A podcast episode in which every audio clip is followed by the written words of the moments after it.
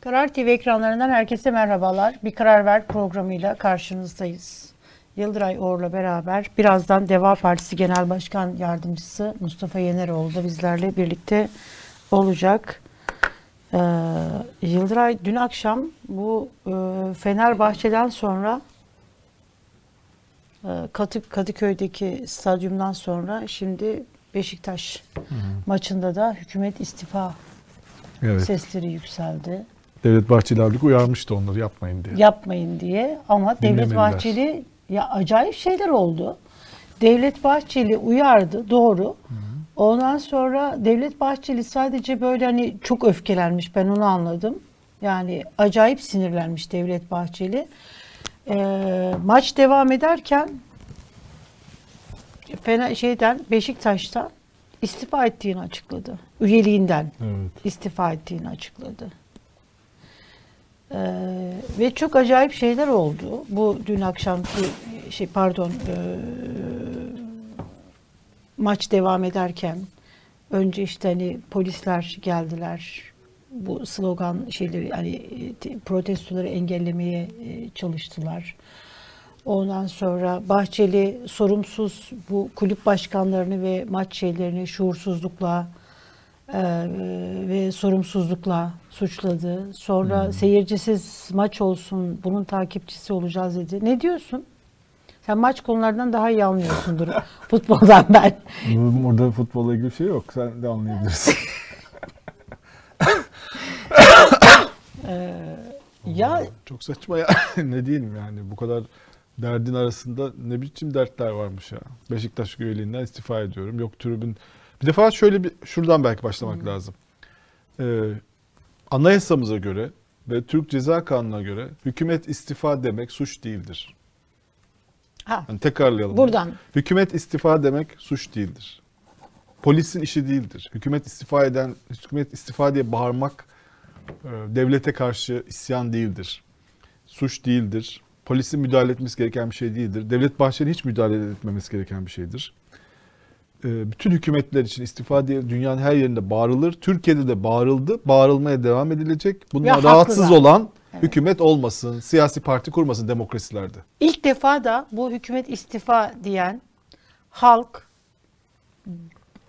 başından sonuna kadar haklı. Yani haksız olduğu yüzde bir bile yok. İşte haklı haksız meselesi değil. Yok. Haksız da diyebilir. Haksız da diye. Doğru. Sonuç ilkeyi ortaya koymak açısından söylüyorum. İlk hükümet istifaya çağıran ilk hükümet AK Parti hükümeti değil.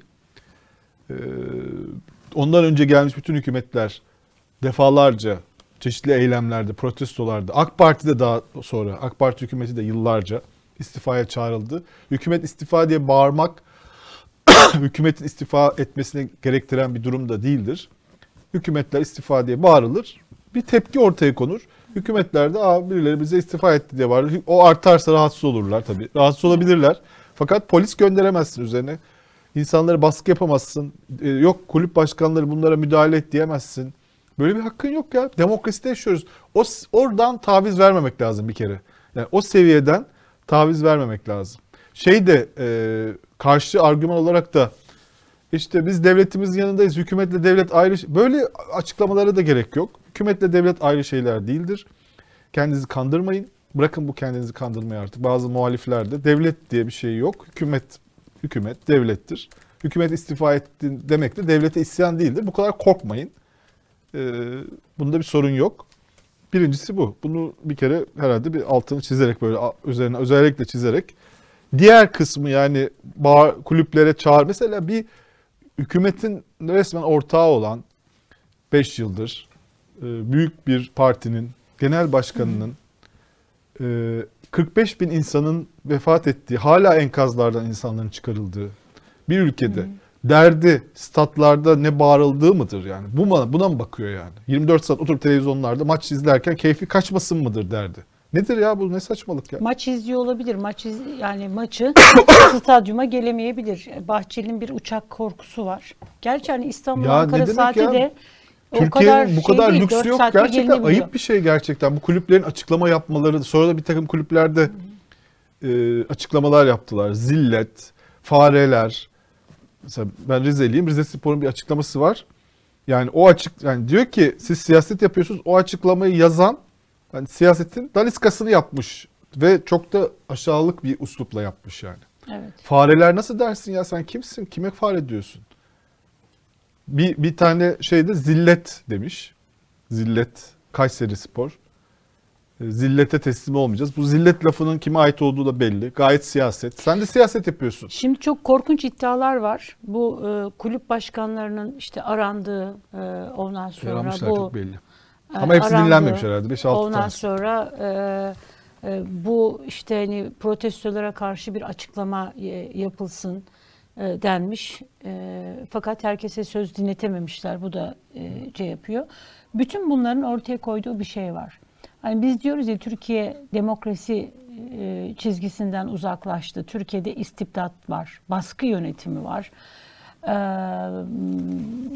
bütün bunları böyle iktidar doğruluyor. Yani bunları tekzip eden hayır öyle olur mu? Ne demek demiyor. Hayır bunu Sen böyle konuşurken ekrana bir görüntü geliyor. Bak bu gerçekten insan yani normal bir ülkede şu şunu yapan taraftarın e, da saygı duyulması Evet. gerekir. Yani bu çok Şimdi bunu çok bir konuşacağız. şey yapıyor. evet, bu bu çok olağanüstü. Ben çok gerçekten duygulandım bunu gördüğüm zaman, izlediğimde. Bu çok böyle hani gerçekten çok e, duygusal, çok iyi Çok alırsın. iyi düşünülmüş bir de. alırsın, başına tac edersin yani böyle bir taraftar, böyle bir- bu bu ülkenin insanları gerçekten biz güzel, bu ülkenin insanları güzel insanlar. Bir kere bunun altını çizelim. Fakat e, hani şeyin e, Devlet Bahçeli'nin bu şeyini anlamak mümkün değil. Yani anlamak, akıl sır erdirmek, sorumsuzluk ve şuursuzluk diyor ya. Hani bu işte bu tepkilere. Bunu alıp böyle hani iade ediyoruz kendilerine. Böyle bir sorumsuzluk, şuursuzluk değil ama öyle bir e, öyle bir hale geldi ki Türkiye yani işte Erdoğansız Türkiye'yi hayal etmek, AK Partisiz Türkiye'yi hayal etmek bu ülkede vatana ihanet suçuyla eşdeğer hale geldi. Muhalefetin mesela AK Parti'yi iktidarlı sandıkta yenmek istemesi muhalefetin suçu haline geldi. Yani ya sandıkta yenmek istiyorlar. AK Parti'yi iktidardan düşürmek. Kardeşim muhalefet muhalefetin görevi budur. İktidarı yener, iktidarı yıpratırsın. Ve bu ülkede gerçekten her gün yüksek bir sesle hiç kimse korkmadan yani hükümet evet yani bir tane istifa bir tane 45 bin insanımız öldü. Bu, bu da sadece bizim bildiğimiz kaydı alınan, kaydı kuydu alınan e, işte hani cenazemiz var, ölümüz var diyerek devlet kayıtlarına girenler. Hala depremin üzerinden 25 gün geçti arkadaşlar. 25 gün geçti. E, hala enkaz altında e, Hala insanlarımız artıyor. var. Hala Hala, sayı sayı artıyor. artıyor. Hala enkazlar bekliyor. Ha- y- 25 günün sonunda hala sadece 48 saatle sınırlı değil. Hala iktidar o enkazı kaldıramadı, kaldıramadığı gibi hala orada yaşayan insanlara çadır götüremedi, tuvalet ihtiyaçlarını gideremedi. Temel ihtiyaç ya, temel ihtiyaç. Hala çadır götüremediysen, e böyle bu kadar ülkeyi kötü yönetiyorsan istifa edersin. Çünkü sen bu halkın İstifa etmezsen de birileri seni istifaya çağırabilir. çağırır. Buna da sabredeceksin. Hayır istifa etmek de erdemli bir şey. Biz yönetemedik. Bu güzel bir insani erdem. Ee, edersin de ya da sorumlularına istifa. Ya AFAD yetiş- şey yapamamış. Kızılay'ın durumuna bakıyorsun. Kızılay'a bak bütün devlet kurumlarını gör. Bekletiyor. Çadırları bekletiyor. Ah baba satıyor parayla. Ayrıca götürmüyor. evet. Bunlar bunları da konuşacağız. Yani bir tane istifa yok. Hükümet istifa dendiği zaman da çıkıyorlar bir de parmak sallıyorlar. Ayıp denilen bir şey var ya. Yani bu bu kadar böyle sorumsuzluk, bu kadar duyarsızlık, bu kadar teflon tava gibi hiçbir şey, bu kadar böyle hiçbir şey yapışmıyor ve hiç e, mahcup olmuyorlar, utanmıyorlar. O şeyi bir daha görebilir miyiz? E, oyuncak ne kadar güzel düşünülmüş değil Evet, mi? çok güzel. Yani Bravo kim düşündüyse. Maçlar seyircisiz oynanmalı diyor. Yani hoşuna gitmedi slogan. Maçlar seyircisiz oynanmalı. Derdi bu yani. Nasıl bir şey ya bu? Deprem bölgesine zor bela gitmişsin zaten. İki dakika orada bir konuşma yapmışsın. Mucizeler, sırlar falan. Ondan sonra da şu anki derdinde maçlar seyircisiz oynansın. Çünkü 100 kişi hükümet istifa diye bağırdı. 1000 kişi hükümet istifa diye bir daha bağırmasın. Nasıl bir dert bu ya? Böyle bir zorluk anında gerçekten. Şöyle bir şeyler e, iddialar var. Yani bunu mesela Gelecek Partisi'nden Sema e, Silkin Ün de böyle hani bunu işaret eden zaman zaman böyle hani e, şeyler e, Ankara'dan bu tür iddialar da var. Doğruysa çok korkunç, e, çok vahim bir şey. Bilmiyorum çünkü. E, şimdi hani e, üniversiteler online eğitime geçmesi, yurtların işte hani böyle boşaltılması. Burada da şu iddialar var. Yani işte üniversite öğrencileri bir araya gelip hani üniversitelerde protestolar oluşmasın diye online eğitime geçildi. Aslında hani yurtların boşaltılması bundan dolayı diyenler var. E, bunu işaret edenler var. Böyle bir şey varsa çok e, Pek zannetmiyorum ben ya. dediğim gibi iddia yani bu böyle hani bunu işaret eden açıklamalar var. Şeyler var. Ee, özellikle hani Gelecek Partisi öyle O protestolar siyasetçilerden hükümetin bence korktuğu şeyler değil. Korkmadığı şeyler zaten. Yani onların çok büyüğü yapıldı zaten Türkiye'de. Onlar hükümetin işine yarıyor. Yani o sokak gösterileri Türkiye'de bir işe yaramayan bir şey. Yani muhalefet bunları bazıları heyecanlanıyor ama onlar karşı tarafta teyakkuz halini arttıracak şeyler. O yüzden onu onun için özel olarak çaba sarf yani sokaklara birileri çıksa hoşlarına gider yani bence şu anda iktidar. bu şeyi e, şimdi Kızılay'ın çadır. Bu çok korkunç bir şey. Evet. Ne olduğunu Neden neden yetişemediğini e, de hani ortaya koyuyor. Biz depremin ikinci günü, daha ikinci günü e, Kızılay Ahbap hani devlet yetkilileri o görüntülerin içerisinde yok demiştik ve Kızılay eski başkanı e, Tekin Küçük Ali'yi burada ağırlamıştık ve kendisine sormuştuk izleyicilerimiz için tekrar edelim. Hani biz göremiyoruz. Siz Kızılay yetkililerini orada devleti ahbaba hani uzun süre başkanlık yaptınız gördünüz mü diye. O da göremiyorum ve utanıyorum, mahcup hissediyorum kendimi. Ee, bizim dönemimizdeki Kızılay oraya ilk ilk saatlerde hemen oraya yetişir ve orada yaraları sarmaya başlar.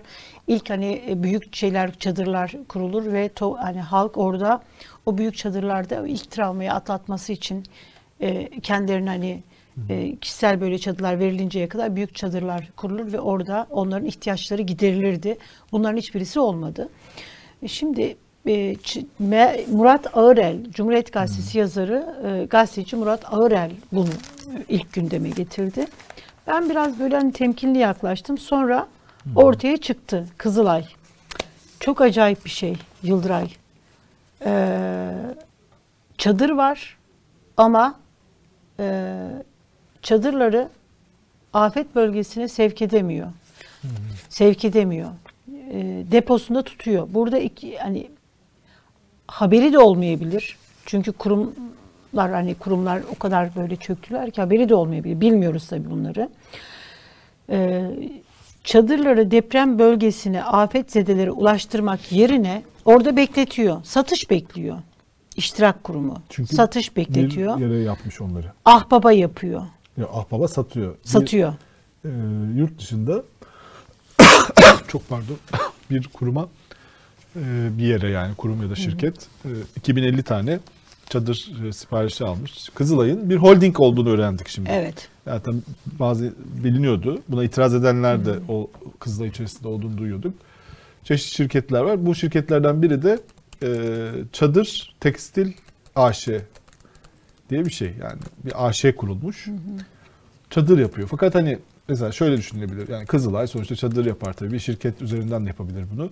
Fakat bunu bir ticaret, ticari işe çevirmiş. Dışarıya iş yapıyor. Mesela bu Ahbap'ın satın aldığı e, şeyleri logosuz olarak diyor. Evet. Biz yurt dışında bir yere yapmıştık diyor. Neresi olduğunu da söylemiyor. Neresi olduğunu da bilmiyoruz. Evet. Yani ti- bayağı çadır üreticisine dönmüş Kızılay. Hani soda falan satıyordu ya. Evet. Çadır da satıyor. Kriz anında bu çadırlar 2050 tane çadır orada. Ahbap'ta fellik fellik çadır ararken eee, şeyin eee, depremin 3. günü Evet. her yerde insanlar çadır çadır diye bağırırken meğer ki Kızılay'ın hazırda bir müşte- müşterisi için yaptığı artık böyle diyebiliriz. Kızılay'ın müşterileri var. 2050 tane çadırı varmış. Ee, ancak Ahbap işte tanesine 22 bin lira vererek bunları satın alınca bunlar depodan çıkmış. Çünkü maliyeti o kadarmış. Kızılay Başkanı açıkladı. Yani şu ana kadar söylediğim her şeyi Kızılay Başkanı Evet. teyit etti. Kerem Kınık Kerem bütün Kınık. bunları Sonra da, tane e, tane açıkladı ve dedi ki televizyona- normal dedi bu. Evet. Eğer onlar almasaydı biz de hatta AFAD'a verecektik dedi. Fakat e, o zaman şöyle bir soru var. Ne zaman verecektiniz? Hangi anda? Yani ahbap, ah- ahbaba sattınız üçüncü günü.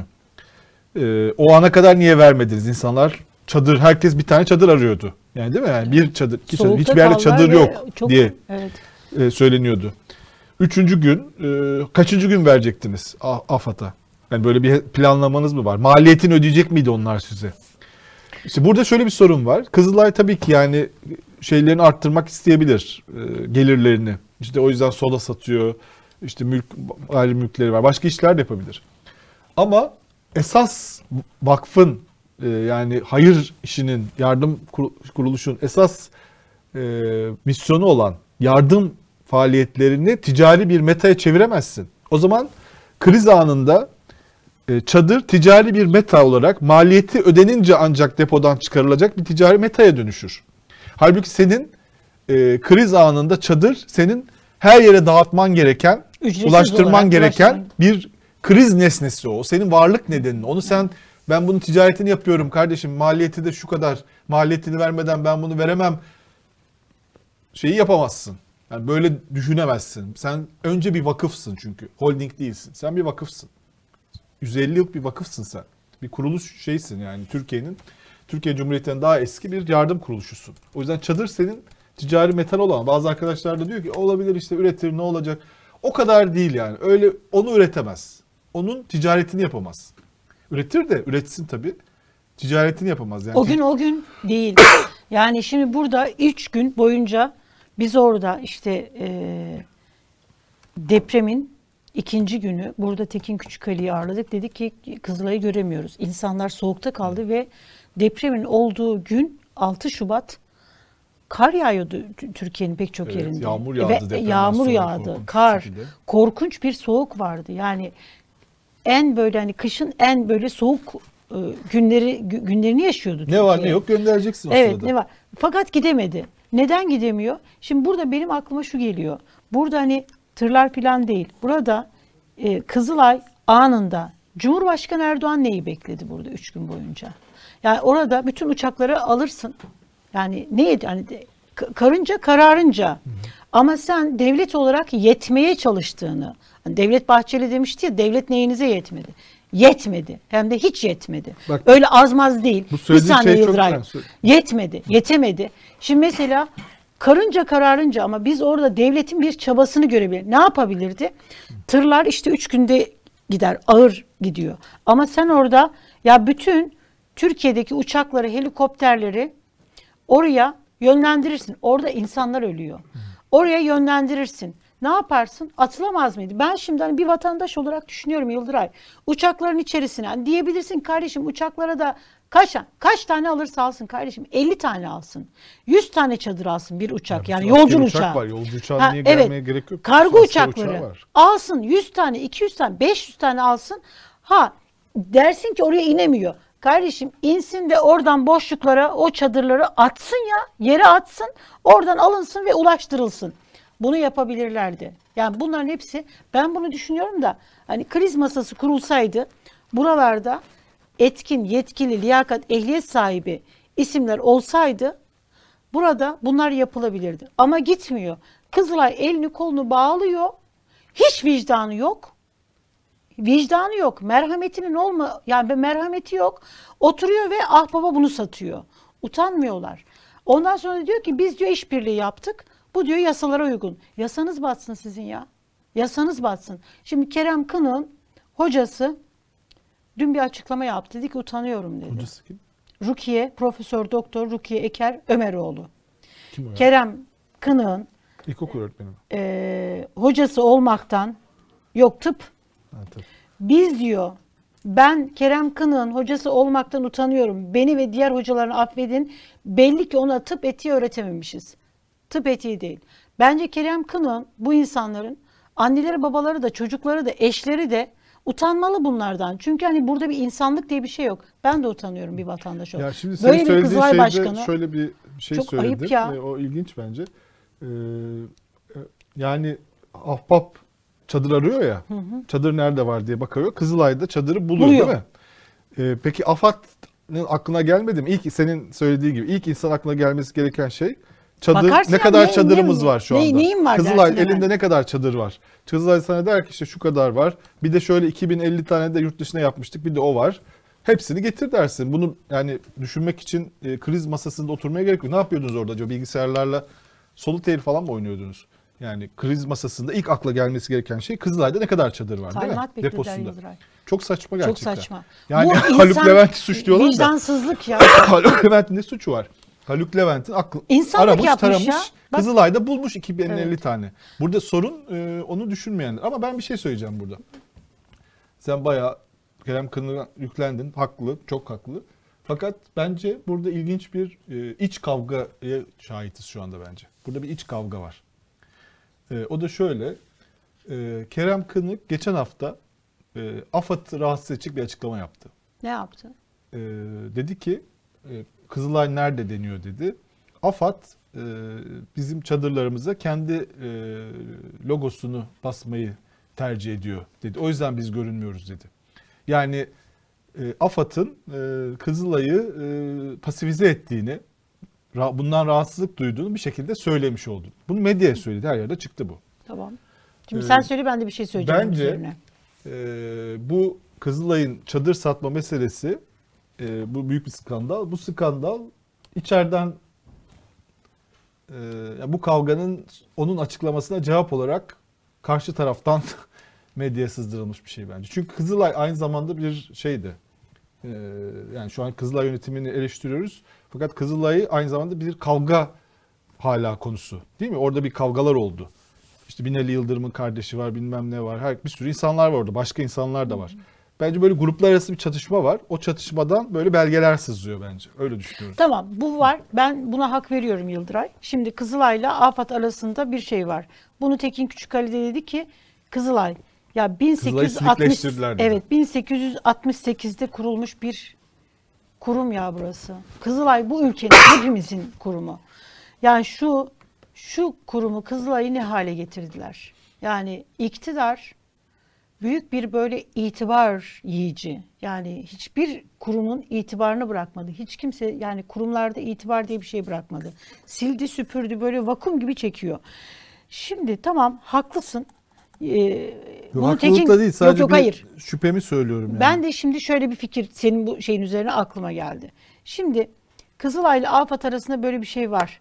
Kızılay'daki bunu Tekin Küçükali de söyledi. Bütün dedi yetkili, etkin isimleri, iş yapan, liyakat, ehliyet sahibi isimler dedi tasfiye edildi. Ee, Kızılay lağvedildi ve AFAD'a bağlandı. Bu lağvetmektir. Kızılay lağvedildi, AFAD'a bağlandı. Şimdi şunu da konuşmuştuk. Bu yayını izleyenler hatırlayacaklar. Yani bir kurumun tabelasının yani olması, içeride 3000 personelin olmasının bir anlamı yok. Anlamlama şöyle anlamlı hale gelir. İçi boş. Eğer sen orayı orada afat gibi bir kuruma e, arama kurtarma, afet yönetimi yani bunları bilen personel alırsan bu anlamlı hale gelir. Onun başına da işte dersen ki ya ben her bütün kurumları ele geçirdim ama burada işin ehli olsun dersen anlamlı. O zaman dersin ki bu ülkede afat var. Ama sen içeriye eş, dost, işte TÜGVA, KADEM, orası burası, yakın, partizanlık, bütün işi bilmeyen insanlar oraya doldurursa Kızılay'da da öyle. Kızılay'da da böyle. O zaman Kızılay var diyemeyiz. Afat var diyemeyiz. O zaman çökmüş bir afattan Kızılay'dan bahsederiz. Biz şimdi bu depremde Maraş Hatay depreminde Kızılay ve işte hani afatın olmadığını gördük. Şimdi burada bir şey var. Benim itiraz ettiğim Kızılay'a ve Kerem Kına yüklenme ve işte hocasının hani utanıyorum etik öğretememişiz deme şeyim şundan dolayı bu kadar niye yükleniyorum? Şundan dolayı e, ele, eleştirme sebebim şu Yıldıray. Şimdi tamam burada 45 bin insanın öldüğü ve orada yetememişsin. O zaman sen yani insanların bir vicdanı bir şey var. Çıkar dersin ki ya ben e, metal yorgunluk dersin. Açıkça eleştiremiyorsan da sessizce dersin ki beni emekliye ayırın arkadaş. Ben yapamadım. Hastalandım. Hastalık bahane dersin. Tedavi görüyorum dersin. Sessiz sedasız ayrılırsın. İnsanlar ama ayrılmıyorlar. Her birisi kendi çapında bir zalime, bir şeye dönüşüyor. Neden dönüşüyor? Çünkü kariyer ve terfi beklentisi var. O makamları bırakmak istemiyorlar. Onların önünde bu olduğu için o zaman işte ne denirse şimdi mesela niye yapıyorsun? Çaba sarf edersin. Olmadığı zaman da dersin ki ben ayrılıyorum buradan. Yani Kerem Kınık'ın hocasının utanıyorum deme sebebi bu. Ya da bizim ya bir istifa biriniz çıkın istifa edin. Korkmayın ya başınıza bir şey gelmez. Bu ülkenin insanları yani 45 bin insan öldü buraya yetim, yet, yetmediniz. İstifa ettiğiniz zaman yani bu bu vicdan ya her şeyden daha önemli. Çıkın deyin ki biz ha tepki koyamıyorsunuz koyamayın ama sessiz sedasız çekilin kenara. Bunu yapabilin. Yani bunu yapın ve insan olduğunuzu hatırlayın. Merhametiniz, vicdanınızı hatırlayın. Yani benim evet çekişmeler var kurumlar arasında. Doğru. E, Kerem Kınık'ta logo. E, düşün ki ahbaba bak. Şey pardon AFAD'a bak. AFAD orada logo basılacak logo da logo peşinde. Logosu basılacak da ondan sonra orada o logo PR şeyi yapacak. Kızılay sen hiçbir yere yetmemişsin. Orada işte hani iş yapacağın yerde oturuyorsun, PR çalışması yapıyorsun. Ee, AK Parti, Afat, AK Parti, logo iktidar. Şeyi... Yani mesela yetememişsin, bundan mahcup olmuyorsun. Oturuyorsun mesela Ertan Aydınlar oturuyor. Burada böyle asrın felaketi deyip Bize burada TRT bunu, yaptı bir klip. Evet, hafta bunun sonu enkazların üzerinden dronlar uçurdular. Arkadan Erdoğan sesi. Böyle bir şey Ay, var. Dronlar deyince aklıma şey geldi. Ya e, Cumhurbaşkanı Erdoğan'ın doğum gününü kutladılar. Hmm. Ya enkazların altında insanlar hala cesetler varken ne olurdu bu doğum gününü de pas geçseydiniz. Bu kadar böyle sosyal medyada bu kadar büyük kampanya yapmasaydınız. Ee, ömrünüze ömür katılsın, ömrümden ömür alın, verin böyle söylemleri yapmasaydınız. Evet. Ya Diğer çok, siyasi partilerde de yapıyorlar. Çok utandım, ee, kimse üzüldüm. Bunu normal zamanlarda da yapmayın bence. Yani üzüldüm liderinizin ya. doğum Vallahi gününü sosyal medyada ya. kutlamak zorunda değilsiniz. Küçük bir yani normal zamanlarda hani böyle kriz anları olmayan yerde bir pasta kendiniz kesersiniz. Bu özel bir durum yani. yani İnsanlar... bu, bu lider bu lider kültürünü şey yapıyor. O zaten diğeri dediğin şey ömrümden sana ömürler gelsin falan. Ya o bu dönemde hani şey. yapıyorsunuz da tamam hani ben şu noktadayım Yıldıray. Senin geldiğin o daha erdemli bir yer, daha böyle iyi bir şey söylüyorsun. Ya ben onu da geçtim. Ya. Evet yok ben onu da geçtim. Kutlayın arkadaşlar. Sonuna kadar aksırıncaya, tıksırıncaya, böyle ciğerleriniz sökülünceye kadar doğum günlerini kutlayın. İstediğiniz böyle övgüleri yapın. Ama ne olurdu bu doğum gününde Yapmasaydınız bunu. İnsanların bu kadar canı yanarken hala insanlar çadır bulamıyoruz. Şimdi Mustafa Karalioğlu'nun yazısını okuyun. Yusuf Siyah Cömert'in yazısı var. Bunu tavsiye edeceğim. Okuyun. Yani hala insanların bir çadır böyle insanlar ölülerinin üzerinden ya beden yani öldü 45 bin insanımızın daha 40'ı çıkmadı. Hani bu bu ülkede bir gelenek. 40'ı çıkmadı arkadaşlar. Hala enkazların altında cesetler var. Bu arada, insanlar var siz çıkıyorsunuz bu, bunu yapmasaydınız ya. İktidarsınız hadi muhalefette olsanız gene böyle şey yapmam ama yani bu kadar bunu yapmasaydınız çok ee, ayıp Ali ettiniz Levent yani. bu arada Fox TV'ye çıktı. Ee, Kızılay'ın Ahbaba çadırın yanında gıda da sattığını açıklamış. Benim raporlarıma göre diyor paranın %7'siyle yani Ahbab'ın parasının %7'si Kızılay'dan gıda aldık diyor. Ee, buyurun diyor AFAD yetkilileri yalanlasın diyor. Ee, Hatta diyor AFAD da diyor çadırları parayla fatura alıyor Kızılay'dan diyor. Belki o bir kanuni bir şey olabilir yani onu bilmiyorum. Hani herhalde ticaret aralarında bir ticaret olmuyordur. Ee, evet. Çok acayip bir şey ya. Yani Kızılay bir tedarikçi kurula şirkete dönmüş. Çadır tedarik ediyor. Barbunya konserve tedarik ediyor ama kendisi dağıtamıyor. Çünkü AFAD diye bir şey var. Herhalde e, o da şey yapamadığı için üretiyor. AFAD'a veriyor. Çok saçma bir sistem yani. Ama Türkiye'nin bütün tedarik böyle işte depoları şirket. Yani şirketleri, özel şirketleri Ondan sonra hayır, bir bütün özel şey şirketler şey yap. Bir saniye. Özel şirketleri de bu arada yardım götürdüler. Evet. Buna koşarken or, gene orada duruyor. Ya bu e, yani AFAD logo falan bunlar hani Kızılay'la sen nasıl yarışıyorsun ya? ya? Kızılay logosu diye de bir şey var yani. Yani 150 yıllık bir yer. Bütün bu afetlerde insanlar hani şey senin logon de Ankara'da bir tane şeye çizdirmişsin. 3 senelik bir kurulsun, kurumsun. Yani Kızılay'ı niye pasifize ediyorsun yani? Ama bu da çok acayip ne? bir şey ya. Neden biliyor musun? Nasıl Çünkü bir kurumsal eski, kibir bu ya? Yok yok eski şeyleri şimdi e, Beştepe yani AK Parti eski böyle kendisinden önceki kurumsallıkları bitirip kendisi yeni kurumsal şeyler çıkartıyor. Şimdi mesela AFAD'ı Kızılay'ın yerine koyuyor. Hani işte hmm. üniversiteler eğitimde de böyle, şeyde de böyle. Hmm. Bütün kurumları yok ederek kendi kurumlarını, e, kendi şeylerini e, yapmaya çalışıyorlar. Bu da Fuat Oktay'ın harika fikirlerinden biri mi acaba? Yani, AFAD sistemini okurmuş ya. Yani o da hiç mesela bir kere bile tabii herhalde düşünmedi. Acaba ben bu sistemi yanlış kurmuş olabilir miyim? Kriz anında çalışmadı. Niye düşün istifa etmeyi düşünmez? Başkan Neden? da zaten istifa etmedi. Çünkü o kadar güzel bir şeydi ki niye e, şey yapsın? Yani çok e, gerçekten e, konuğumuz hazırmış. Evet, evet. bağlanalım. E, Deva Partisi Genel Başkan Yardımcısı Mustafa Yeneroğlu bizlerle birlikte ekranlarını yeni açanlar için. Mustafa Bey merhabalar. Merhaba. Merhabalar. Sağ olun. Nasılsınız? İyi misiniz? Ülkenin durumu nasılsa biz de öyleyiz. Malum ülkenin şartları çok kötü. Ee, en son on binlerce insanımızı e, kaybettik. E, orada biz de birçok dostumuzu, arkadaşımızı, evet. onların ailelerini kaybettik. E, daha da e, yaraların sarıldığı bir zaman diliminden geçiyoruz. Daha da bazı yerlerde cenazelerin bulunamadığı, kaldırılamadığı, insanların kayıp olduğu bir zaman diliminden geçiyoruz. Üçüncü haftaya girmiş olmamıza rağmen evet. maalesef böyle acı bir tabloyla karşı karşıyayız. E, bu da zaten deprem hani başka e, depremlerin üzerine geldi. Zaten ülkemizde çok toplumsal sorunlarımız var. Çok ciddi e, hukuk sorunlarımız var. Adalet sorunlarımız var. E şimdi bunların her birisi zaten bir enkazdı. Ekonomi bir enkaz, hukuk bir enkaz, devletin yapısı ters yüz edilmiş vaziyette. E, bunun üzerine de tabii ki büyük bir deprem felaketi geldi. Mustafa Elbette Bey bir şey sormak istiyorum size gerçekten e, belki de birkaç yüzyılda e, bir e, gelebilecek e, korkunç bir felaket. Bunu bölgeye giden her bir insan çok net olarak görebildi.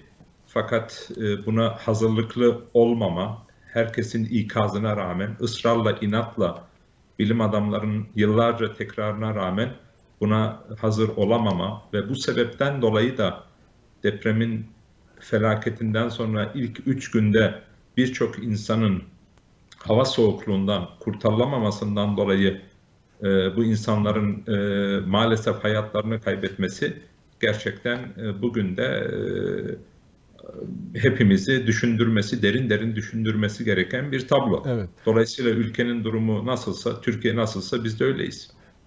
Mustafa Bey siz e, yani böyle bir akıl yürütmenizi aslında isteyeceğim sizden. E, siz Almanya'da büyüdünüz. 2015'e kadar Almanya'daydınız. Ee, hadi orada orası diyelim deprem bölgesi değil. Orada da sel felaketleri oldu geçen sene. Böyle bir büyük kriz olduğunda yani olur mu? Böyle bir hazırlıksızlık olur mu? Belki buradan başlayabilirsiniz. Ya da böyle bir şey olduğunda e, ne olur? Yani hükümetler, görevliler işte bu konudaki e, yani böyle enkaz kaldırmada kriz sorunlar işte ilk üç gün devlet ortada yok. Böyle bir akıl yürütmesi yapsanız düşünseniz mesela Almanya'da nasıl olur bu diye. Siz nasıl olur sizce? Herhalde böyle olmaz. Şimdi başka bağlamda e, Batı Avrupa ülkelerinde de Almanya'da da bu tartışmalar olabiliyor. Örneğin Rusya'nın şu anki saldırgan tavırına biz ne kadar hazırız? Bu sorular Almanya'da da soruluyor başka bağlamda. Ancak şöyle bir problem var. Şimdi Türkiye'de hazırlıksız derken biz e, sadece depreme hazırlıksız bir vaziyette değiliz. Temel ortada bir mekanizma yok. Hani koordinasyon mekanizmaları yok, denge denetim mekanizmaları yok, e, özgür basın yok, sivil toplum yok, e, hukuk yok, bağımsız yargı yok. Yani her şeyi ters yüz edilmiş bir durumla şu anda karşı karşıya olduğumuz için felaketin neticeleri felaketin neticelerinde hissettiğimiz acı çok çok daha büyük oluyor. Örneğin e, Almanya'da böyle bir felaket olduğunu düşünelim. Bir kere ondan önce zaten Almanya'da bilim adamlarının e, bu konularla ilgili tespitine herkes uymak zorunda kalırdı. Bu bugünle ilgili felaket olduktan sonra akla gelebilecek bir olay diye düşünülmezdi. Ondan çok öncesinde toplumsal düzen, hukuk düzeni, hazırlıklar ona göre zaten hazırlanmış olurdu. Dolayısıyla olan felakete çok daha hazırlıklı olunurdu. Buna rağmen, buna rağmen buna benzer olaylar olabiliyor mu? Olabiliyor. Bundan birkaç ay önce Almanya bir deprem felaketi yaşadı bazı bölgelerde ve o deprem felaketinin yaşadığı bölgelerde onun sorumluluğunu üstlenip istifa eden sayısız insan oldu. Bırakın böyle bir olayı. Bundan yani çok daha basit insan hayatına mal olmayan denge denetim mekanizmalarından, hukuktan kendisini e, ari gören, onun dışında gören, kendisinin hukukla e, bağlı olmadığını düşünen insanların mesela yaptıkları durumlar işte ahlaki zaaflar olabiliyor. Bir kişi işte doktora çalışmasına 20 yıl önce yaptığı doktora çalışmasına eğer e, o doktora çalışmasında bazı e, sorunlar, intihal söz konusu olursa istifa edebiliyor. Bir kişi e, örneğin Lufthansa'nın e, e, millerini e, parlamenter olarak biriktirdiği, hükümet yetkilisi olarak biriktirdiği milleri özel e, bir seyahat için kullanıyorsa ve bu ortaya çıkıyorsa istifa etmek zorunda kalıyor. E, pandemi döneminde bazı milletvekilleri kendilerine yakın şirketlere aracılık yaparak onların maskelerin onlardan temin edilmesini sağlıyor. Ne oldu? Birkaç milletvekili sadece bu sebepten dolayı istifa etti ve siyasi hayatı bitti. Dolayısıyla hukuk devletlerinde yani şeffaf, hesap verilebilirliği temel esas kabul eden hukuk devletlerinde de buna benzer durumlar olabilir ama olduğu takdirde sorumluluk üstlenmek yani millete hakaret etmeden, millete efendilik yapmadan, mülkün sahibinin kendisi olduğu e, düşüncesine kapılmadan emaneti hemen anında teslim edecek güçlü bir sivil toplum yapısı var. Güçlü bir e, medya var. Bunların hesabını soran, bunların peşine düşen.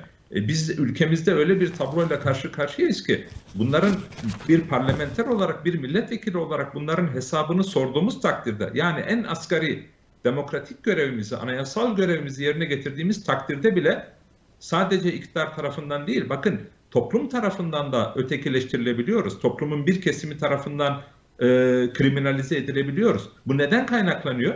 Bu demokratik bilincin, demokratik hukuk devleti bilincinin 85 milyonda tam manasıyla oturmamış olmasından kaynaklanıyor. Demokrasi ancak herkesin birbirine az buçuk güveni olduğu, herkesin birbirinden emin olduğu, herkesin e, e ötekinin yanında kendisini huzurlu hissettiği bir ortamda gelişebilir. E, dolayısıyla bizde bunların hiçbirisi yok. Yani kolonlardan bahsediyoruz. İşte zeminden bahsediyoruz. Bakın bunu hukuka uyarlayalım. E şimdi toplumsal düzenimiz zayıfsa, yani toplumsal yapımız zayıf zeminler üzerine bina edilmişse ki bizde anayasa bu anlamda maalesef toplumsal mutabakatın bir eseri değildir. Hukuk bilinci toplumda zayıfsa, adalet bilinci toplumda zayıfsa, e bakın İsrail'le mukayese edelim. İsrail'de Anayasa Mahkemesi'ne karşı iktidarın, Netanyahu iktidarın, popülist bir iktidarın bir tutumu oluyor. Yüz binden fazla insan sokağa çıkıyor. E bizde Anayasa Mahkemesi'ne her türlü hakaret yapılabiliyor. Kapatılsın deniliyor. Anayasa Mahkemesi Başkanı'na adeta terör örgütü üyesi muamelesi İçişleri Bakanlığı tarafından yapılabiliyor. Ama bin, bin kişiyi sokağa biz çıkaramayız. Dolayısıyla bizde sadece deprem kolonları eksik değil.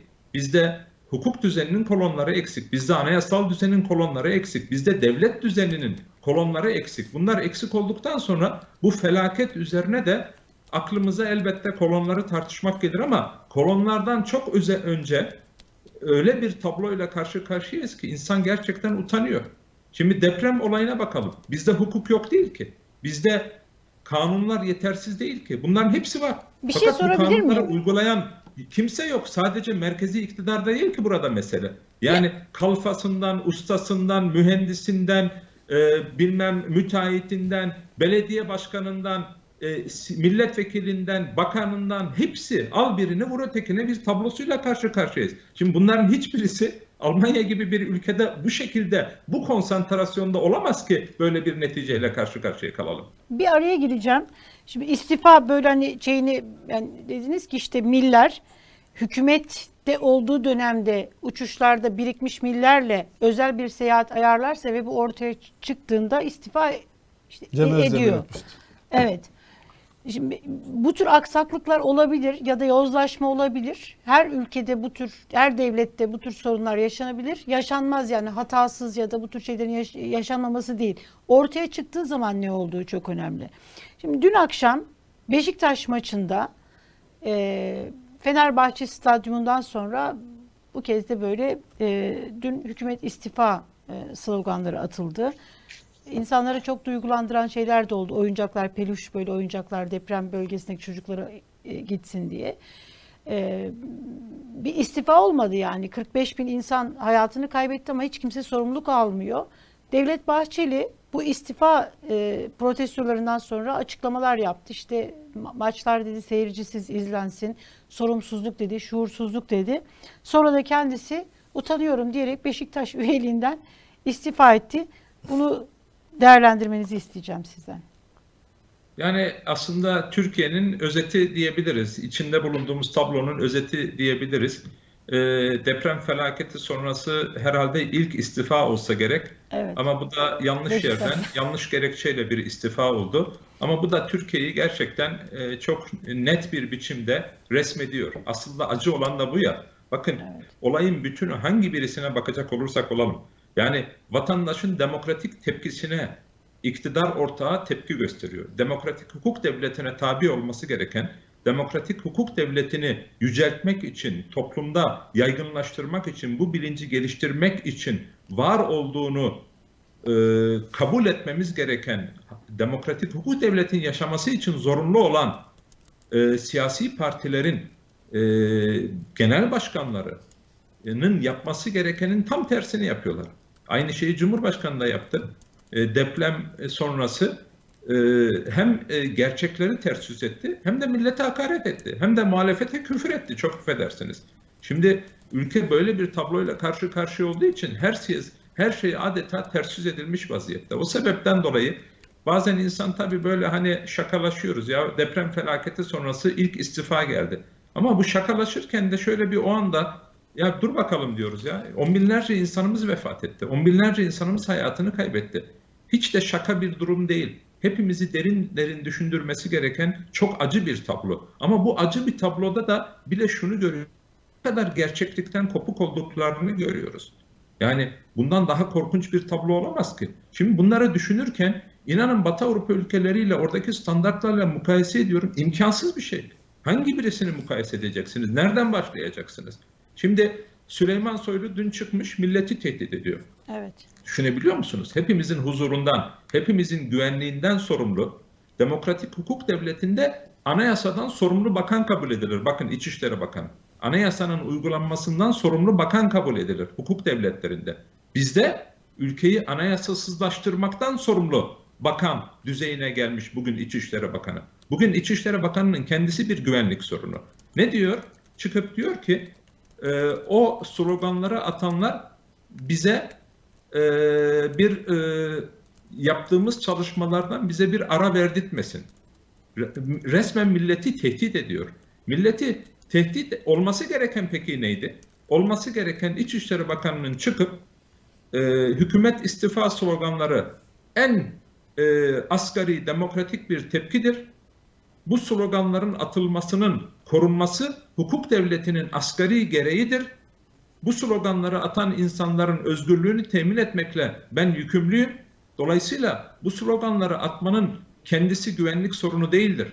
Bu sloganları atanların engellenmesi bir güvenlik sorunudur. Şeklinde değerlendirmesi gerekirken bundan ne kadar kopuk, ne kadar ters yüz edilmiş bir durumla karşı karşıya olduğumuzu sadece İçişleri Bakanı'nın bu açıklamasından görün.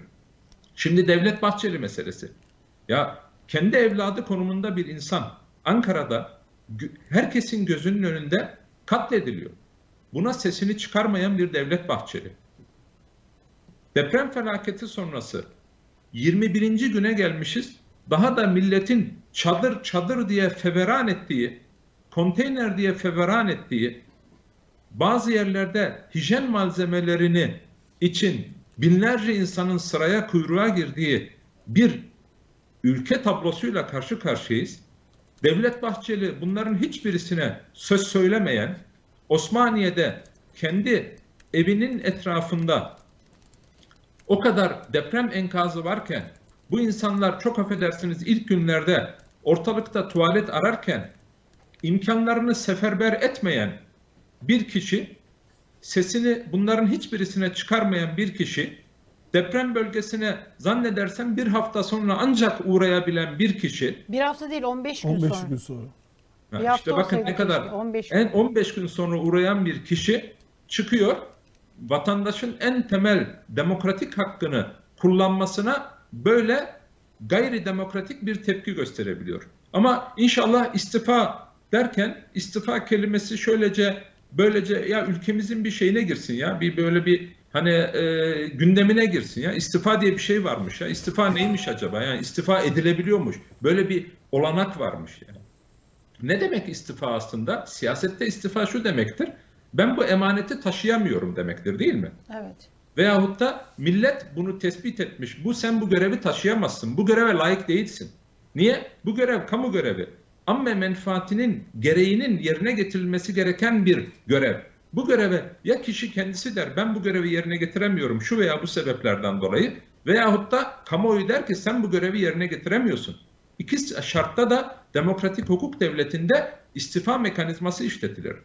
Bizimkilerin tek aklına gelen futbol kulübünden istifa etmek. Bu bile ne kadar acı bir tablo içerisinde Onu da olduğumuzu şey diye maalesef düşünüyor olabilir. göstermekte. E, onu da Say Bahçeli şöyle düşünüyor olabilir. Beşiktaşlıları cezalandırdı diye düşünüyor olabilir. Yani ben oradan istifa ettim. Ayrıldım. Onları cezalandırdım. Onları adam yerine koymuyorum gibi bakıyordur. Yani istifasının a, a, şeyinde de o vardır. Yani istifa değil de bıraktım sizi. Siz bana layık değilsiniz gibi düşünüyor, düşünüyor olabilir yani. Bunu da Ama bence istifa gibi de algılamamak lazım herhalde. Tabii. Ama burada sadece istifa etmiyor. Aynı zamanda Bahçeli'nin kendisi de tehdit ediyor. Yani Bahçeli'nin kendisi de e, bu şekilde Tabii. olacaksa diyor e, futbol müsabakaları seyircisiz e, olsun diyebiliyor. Şuursuzluk hiç- diyor, Ya sorumsuzluk diyor. Evet. Ya şimdi normalde şimdi öyle bir düzey ki bakın Avrupa ülkelerinde bunu söylediğim zaman insanlar bana kızıyorlar bazen. Avrupa ülkelerinde bugün en aşırı sağ diye kabul ettiğimiz en faşizan marjinal partilerin bile aklın ucundan geçmeyeceği, düşünmekten bile korkayacakları cümleleri ülkemizde iktidarın kendisi ve ortağı kullanıyor. Devamlı bir biçimde kullanıyor. Biz Türkiye olarak böyle bir tabloyla karşı karşıyayız.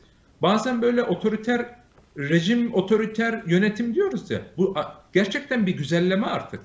Bugün otoriter bir düzenle karşı karşıya değiliz. Bugün despotizmin çok ileri safhasıyla karşı karşıyayız.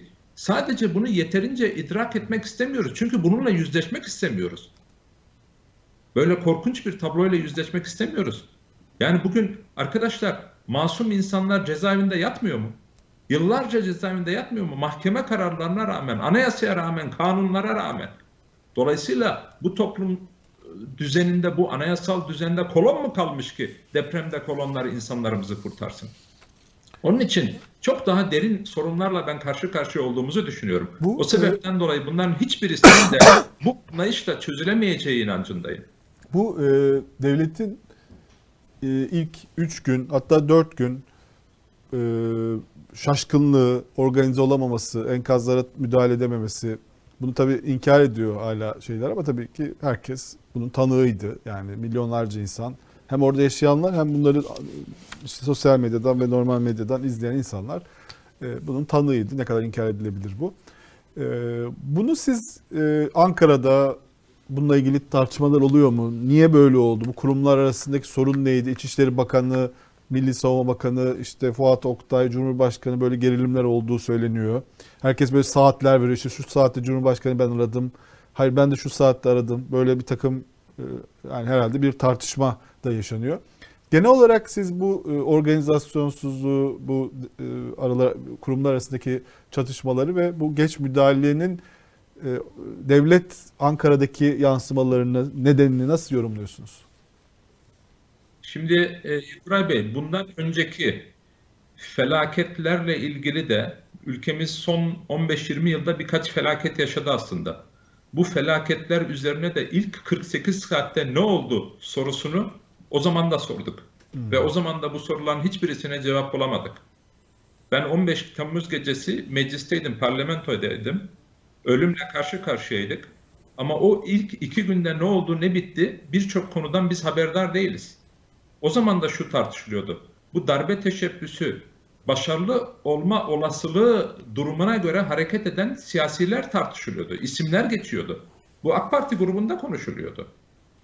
Ee, darbe teşebbüsünün başarılı olup olmama durumuna göre pozisyon alabilecek askeri bürokratların adı geçiyordu. Yargıda birçok kişinin ismi geçiyordu. Ve bunlar böyle aleni konuşulan konulardı. Bugün de ülkemiz korkunç bir deprem felaketi yaşamış ve ilk 48 saatte ilk 48 saati bırakın ilk 72 saatte birçok yerde devlet yoktu. Bu çok net. Bugün Mustafa Karayaloğlu'nun yazısında da zaten bunu ayrıntılı olarak vatandaşlarımız dile getiriyorlar. Dolayısıyla şimdi bununla e, yüzleşemeyen bir devlet anlayışı e, anayasal bir devlet olamaz zaten. Bununla yüzleşemeyen bir bürokrat ama menfaatine göre görev yaptığını ifade edemez. Bununla yüzleşemeyen bir siyaset görevini bırakmak zorunda. Ancak bu olmadığı takdirde de tabii ki hiçbir şeyin sorgulanması, soruşturulması mümkün olmuyor. Çünkü maalesef güce yaslanan, adeta güce e, tapan bir yapıyla karşı karşıyayız. E, dolayısıyla bu soruların e, cevaplarını da bu sebepten dolayı bulamıyoruz. Ama imalı imalı laflar var. Mesela ordu neden hemen harekete geçmedi? Valilerin yetkisinde biliyorsunuz. Valilerin yasal yetkisi. Vali ordu mensuplarına talimat verip hemen or, sahaya orduyu sürebilirdi. Mesela Malatya. Malatya'da ikinci bizim ordu. sonuçta e, ikinci ordumuz var. En büyük, e, en fazla sayıda askerimiz var. On binlerce insan en azından orada hemen hazır. Hemen talimatla ilk yarım saat içerisinde verilecek talimatla on binlerce askerimiz sahaya sürülebilirdi. Bunlar ilk yardımı gerçekleştirebilirlerdi. Fakat olmadı. E, bunun ötesinde AFAD. AFAD'ın normalde en öncelikli görevi koordinasyondur. AFAD bütün devlet kurumlarını bir afet durumunda koordine etmekle yükümlüdür. Fakat ilk anda da gördük ki Milli Savunma Bakanı arasında ve İçişleri Bakanı arasında bir yetki kargaşası çıktı. Veyahut da birisi İçişleri Bakanı kendisinin yetkili olduğunu ifade ederek e, askerin sahada olmamasını sağladı. En azından bu konuyla ilgili ciddiye alınması gereken, üzerine gidilmesi gereken iddialar var. Ama bunların açıklığa kavuşabilmesi için demokratik hukuk devleti iddiasına yakışır bir düzene gelmemiz gerekiyor ki örneğin mecliste bununla ilgili bir araştırma önergesi verdiğimiz takdirde bu sorgulanıp açığa çıksın ve bunun neticesinde de sorumlular e, sorumluluklarının gereğini yerine getirsinler. Ama bunlardan maalesef çok uzak durumdayız. Ben AFAD'daki arkadaşları hatırlıyorum. İlk günlerde orada birçok kişiyi aradım. Ya şunu gördüm ve bu beni şok etti zaten. Ellerinde yeterince çadır stoku yok. E, yurt dışından çadır bulabilir miyiz? Size mi Şimdi, soruyorlardı? Ya düşün, böyle bir şey düşünülebilir mi? Biz deprem ülkesiyiz. Size mi, Kış Mustafa Bey size mi soruyorlardı bunu? Yani Almanya'da... Bana da sordular ve ben de ben kendim zaten vatandaş olarak şimdi baktım ki ortalıkta her şey eksik. Eksik olmayan hiçbir şey yok ki. Koordinasyon eksik. Sahadaki sahadaki insanların tecrübe eksikliği var. Eğitimsiz insanlar. AFAD'ın bir de mesela ilk günlerde 6 bin küsür personelinden bahsediyorlar ya. Sanki 6 bin küsür personel arama kurtarma faaliyetlerinde görevliymiş. Hayır. Öyle bir şey yoktu ki. AFAD'ın arama kurtarma faaliyetlerinde ilk günlerde arkadaşların kendi verdikleri bilgilere göre görevli olan insan sayısı 1200'ü geçmiyordu. Bu insanların önemli bir bölümü de yurt dışından gelen profesyoneller düzeyinde de eğitimli değildi. Madenciler kadar eğitimli değildi. Bakın biz deprem ülkesinden bahsediyoruz. Sor, bu Ve şeyi bir anlatabilir misiniz? Ee, siz onlarla bir temas mı kurdunuz? Onlar sizden bir şey mi istediler? E, çünkü Batı Avrupa ülkelerinden bazı e, e, bu konularla ilgili kurumlarla e, görüşme yaptım. Çünkü herkes, her bir vatandaş doğal olarak üzerine düşen e, nedir diye düşünüyor. Ben de onu yaptım. Dolayısıyla evet. sordum. Arkadaşlara da sordum. Arkadaşlar nedir durumunuz? Çadır eksikliğiniz var mı? Evet çadır eksikliğimiz var. Çok ciddi manada nereden toparlayabilirseniz, temin edebilirseniz edin. Şimdi e, bu e, bunu da hani böyle e, o anda e, ya nasıl olur falan diye şikayet etmek manasında da düşünmüyorum, söylemiyorum. Hı hı. Çünkü bir enkazla karşı karşıyayız. Her dakika çok önemli. Her bir dakikada ne yapabiliriz derdine düşüyoruz her bir vatandaş olarak diye Ve buldunuz mu siz yurt dışından çadır AFAD için? Yani sonuç alınabildi Efendim? mi? Sonuç oldu mu yani bulundu, bulundu mu bir bağlantı? Maalesef hayır sonuç alamadık. Niye sonuç alamadık? Çünkü kimse siyaseten bu e, gerçeklikle yüzleşmek istemiyor. Bürokratlar kıvranıp duruyorlar. Bürokratlarla görüştüğünüz zaman zaten onlar da size şunu söylüyor. Ya abi biz ne yapalım ki üzerimizdeki insan protokol gereği onun bunun arkadaşı yakını diye şu veya bu göreve getirilmiş bir insan. Sonuçta biz onların altında görev yapıyoruz. Asıl sorumluluğumuz, misyonumuz bu olması gerekirken bizim yaptığımız protokol gereği aman efendim aman efendim diye bunlara hizmet etmek durumu oluyor. Dolayısıyla sonuçta sağlıklı bir koordinasyonda yapamıyoruz. Üzerimize düşen görevleri yapamıyoruz ama bu bugünün meselesi değil diyorlar zaten birçok. Bunlar zaten çok önceden ele alınıp çözülmesi gereken meselelerdi ki gerçek anlamda bir deprem felaketi karşısında hazırlıklı olalım. Ama her şeyi gittim. Hani bu şey var ya meselesi e, barut yoktu hikayesi var ya. Evet. E, bu aynen böyle bir mesele bizimki. E, ortada hiçbir hazırlık yok ki. Koordinasyon noktasında yeterli bir mekanizması yok, yok ki. Bakın yurt dışından gelen birçok kişi. Ben Avusturya'da Avusturya'ya geri dönen, Almanya'ya geri dönenlerle görüştüm. Öyle mi? Onlara da sordum. Dedim ki ya ortalıkta farklı farklı bilgiler var. Niye geri döndünüz? Bazıları bana dedi ki bakın deprem üstünde ağır makineler dolaşıyor. Daha o dep şey, enkazın altında e, enkaz üzerinde ağır makineler dolaşıyor. Daha o enkazın altında insanlar olabilir. Hayatta insanlar bu vardı. Biz evet. bu sorumluluğu üstlenmek istemiyoruz dediler. O sebepten dolayı geri dönüyoruz diyenler oldu. Hmm. Kendi güvenliğimiz teminat altına alınmış değil. E, tehditlerle karşı karşıya kalıyoruz. Bu sebepten dolayı dönüyoruz diyenler oldu. Veyahut da arama kurtarma çalışmasını yapıyoruz. 38 saat, 36 saat, 48 saat yoğun bir biçimde çalışıyoruz. Tam kurtarma aşamasına gelmişiz. Bir Türk ekip geliyor. Diyor ki siz buradan geri çekileceksiniz. Başka yere devam edin diyor. Bakın bu o kadar yaygın bir durum ki. Bu yani bunu size bizzat bu Alman ve Avusturyalı ekipler mi söylediler bunu? Bizzat bizzat ben görüştüm. Bizzat bunu kendilerine teyit ettirdim ama ondan sonra kamuoyunda farklı bir dil kullanmak durumunda kaldılar. Neden? Çünkü hiç kimsenin orada derdi görüntü vermek değil ki. Bu insanlar yardımcı olmak için gelmişler. Baktılar diplomatik krize yol açacak gerçekleri konuşmak. O zaman de, deme, şunu demeye başladılar. Ya bunlar önemli değil. Önemli olan orada üzerimize düşen misyonu yerine getirmek. Doğru, evet. haklılar. Ama bakın bu yani olayın nasıl şova dönüştürüldüğünü, e, açıkların kapatılması için nasıl yöntemlere başvurulduğunu ve bu yöntemlerin ne kadar gayri ahlaki olduğunu ortaya koymak adına e, bu birkaç örneği belirttim. Evet. Bunlar... E, şimdi Almanya'da mesela ilgili kurumlarda ben biliyorum kendim bizzat sordum. Hazırda hazırda on binlerce kış şartlarına uygun çok büyük çadırlar vardı. Ya bunlar niye alınmaz ya? Bunlar hazır. Hem de ilgili ülkeler kendi bütçelerinden bunu göndermeye de hazırlar. E, bunu da öğrendik. Bakın bugünden bahsetmiyorum ben ha. İlk günlerden bahsediyorum. Ama Kızılay'ı da öğrendik. Peki niye Şimdi e, niye alınmadı? Şunu bir çok ilginç bir şey bu. Yani ne, sebep olarak ne gösteriliyor? E, niye alınmıyor yani? Ben ben izah etmiyorum. Sorduğum arkadaşlar da bana izah etmediler. Allah Allah. Yani öyle birisi izah istemiyor. Onlar da izah etmediler. Yani. Biz üst makamlara gönderiyoruz diyorlar. Üst makamlar zaten bu talebi biliyorlar diyorlar. E, dolayısıyla netice yok. Netice niye yok? E bunun bakın şimdi burada şey yüzünden mi acaba yani bizim bu ihtiyacımız yok. Hesap vermesi lazım. Demesi lazım ki biz Fransa'dan Fransa'nın elinde şu kadar vardı deposunda. Biz bunu istedik ama göndermek istemediler. Rusya'nın elinde bu kadar vardı. Biz istedik ama göndermek istemediler. Almanya'nın elinde bu kadar vardı. Biz istedik ama şu şu sebeplerden dolayı arzu edilen neticeyi elde edemedik. Buna cevap verebilecek bir iktidar sorumluluğu içerisinde hareket edecek bir yapıyla karşı karşıya değiliz. Ama ki. böyle olmadı değil mi? Yani onlar göndermek istemedi değil. Buradan talep mi gitmedi oraya? Kısmen talepler gitmiş, takip edilmemiş. Takip edilmiş. Kısmen talepler gitmiş, takip edilmiş. Kısmen taleplerle ilgili sorular sorulmuş, bunlara cevap verilmemiş.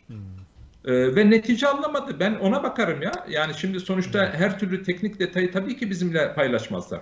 Ama e, ben e, netice alınmadığını görüyorum. Yoksa siz de takdir edersiniz ki bu birkaç saatlik bir iştir. Bir telefon görüşmesi neticesinde hemen o büyük uçaklar, e, kargo uçaklarına yüklenir bunlar.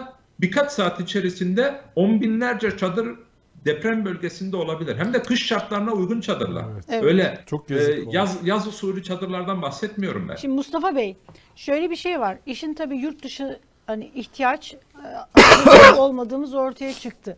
Yurt dışı kısmı var. Yabancı ülkelerden işte hani ta- takip edilmeyen talepler, el ayak birbirine dolanıyor. Bunları görüyoruz. Ama bir de Kızılay'ın durumu var. Yani e, Kızılay'ın da kendi deposunda beklettiği çadır var. O çadırları depremzedelere ivedilikle ulaştırmak yerine e, ahbaba satıyor. Ve ahbap sorumluluk hissediyor, alıyor ve o çadırları depremzedelere ulaştırıyor. Şimdi karşımızda bir de böyle bir şey var. Yani enkaz altında kalan bir de Kızılay var. Bugün Karar Gazetesi'nin manşeti aynı zamanda. Ee, Kızılay'ımız da enkaz altında kaldı manşetiyle çıktı Karar Gazetesi. Yani bir de olayın böyle bir boyutu var. Yani satıyor, e, üç gün boyunca bekletiyor. Yani gitmiyor. Oysa ki Kızılay'ın anında böyle bir problem, yani bir, bir şey oldu, deprem var, bir afet, kar, kış, kıyamet günü e, yerleşti, yetiştirmesi gerekiyor. Fakat orada da bir şey yok. İnisiyatif alma, ne yapacağını bilmeme bekliyor orada. Şimdi burada da birkaç sebep var. Mesela Kızılay'daki e, arkadaşlarla da özelde görüştüğünüz zaman onlar da diyorlar ki e, biz sonuçta tamamen yetkisiz bir hale getirildik. Evet. E, biz üzerimize düşeni yapıyoruz ama bizden fazla görünmememiz e, arzu ediliyor. Biz de sonuçta e, böyle görünmeden e, talep doğrultusunda e, bazı çalışmaları yerine getirmeye çalışıyoruz. Zaten bakın temel problem şu. Ülkede herkes adeta sorumsuz hale getirildi. Bir, insanlar kişiliksizleştirildi. Evet. İki, aynı zamanda sorumsuz hale getirildiler. Dolayısıyla üzerine düşen üzerine düşen sorumluluğu yerine getirmiyor. Talimat bekliyor. Niye? E çünkü hata yapmak istemiyor. Herhangi bir görüntüden dolayı sorumlu olmak istemiyor. Birisinin gözüne bakmak istemiyor. Dolayısıyla böyle sorumsuzların konsantre olduğu bir e, evet. e, hükümet e, e, düzenine ülke dönüştü. E, bu bir düzensizlik aslında. Bu tamamen keyfi yönetimlerde, anarşik düzenlerde olacak şeyler.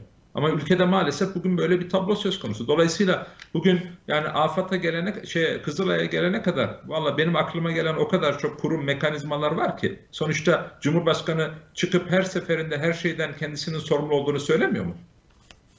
E, her, her konuda yetkili olan bir kişi her konuda da sorumludur ya.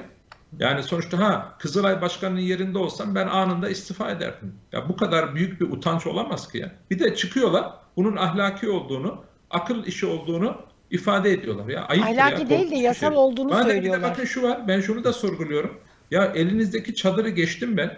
Ya yurt dışında her her yerde çadır var ya. Stoklarda çadır var.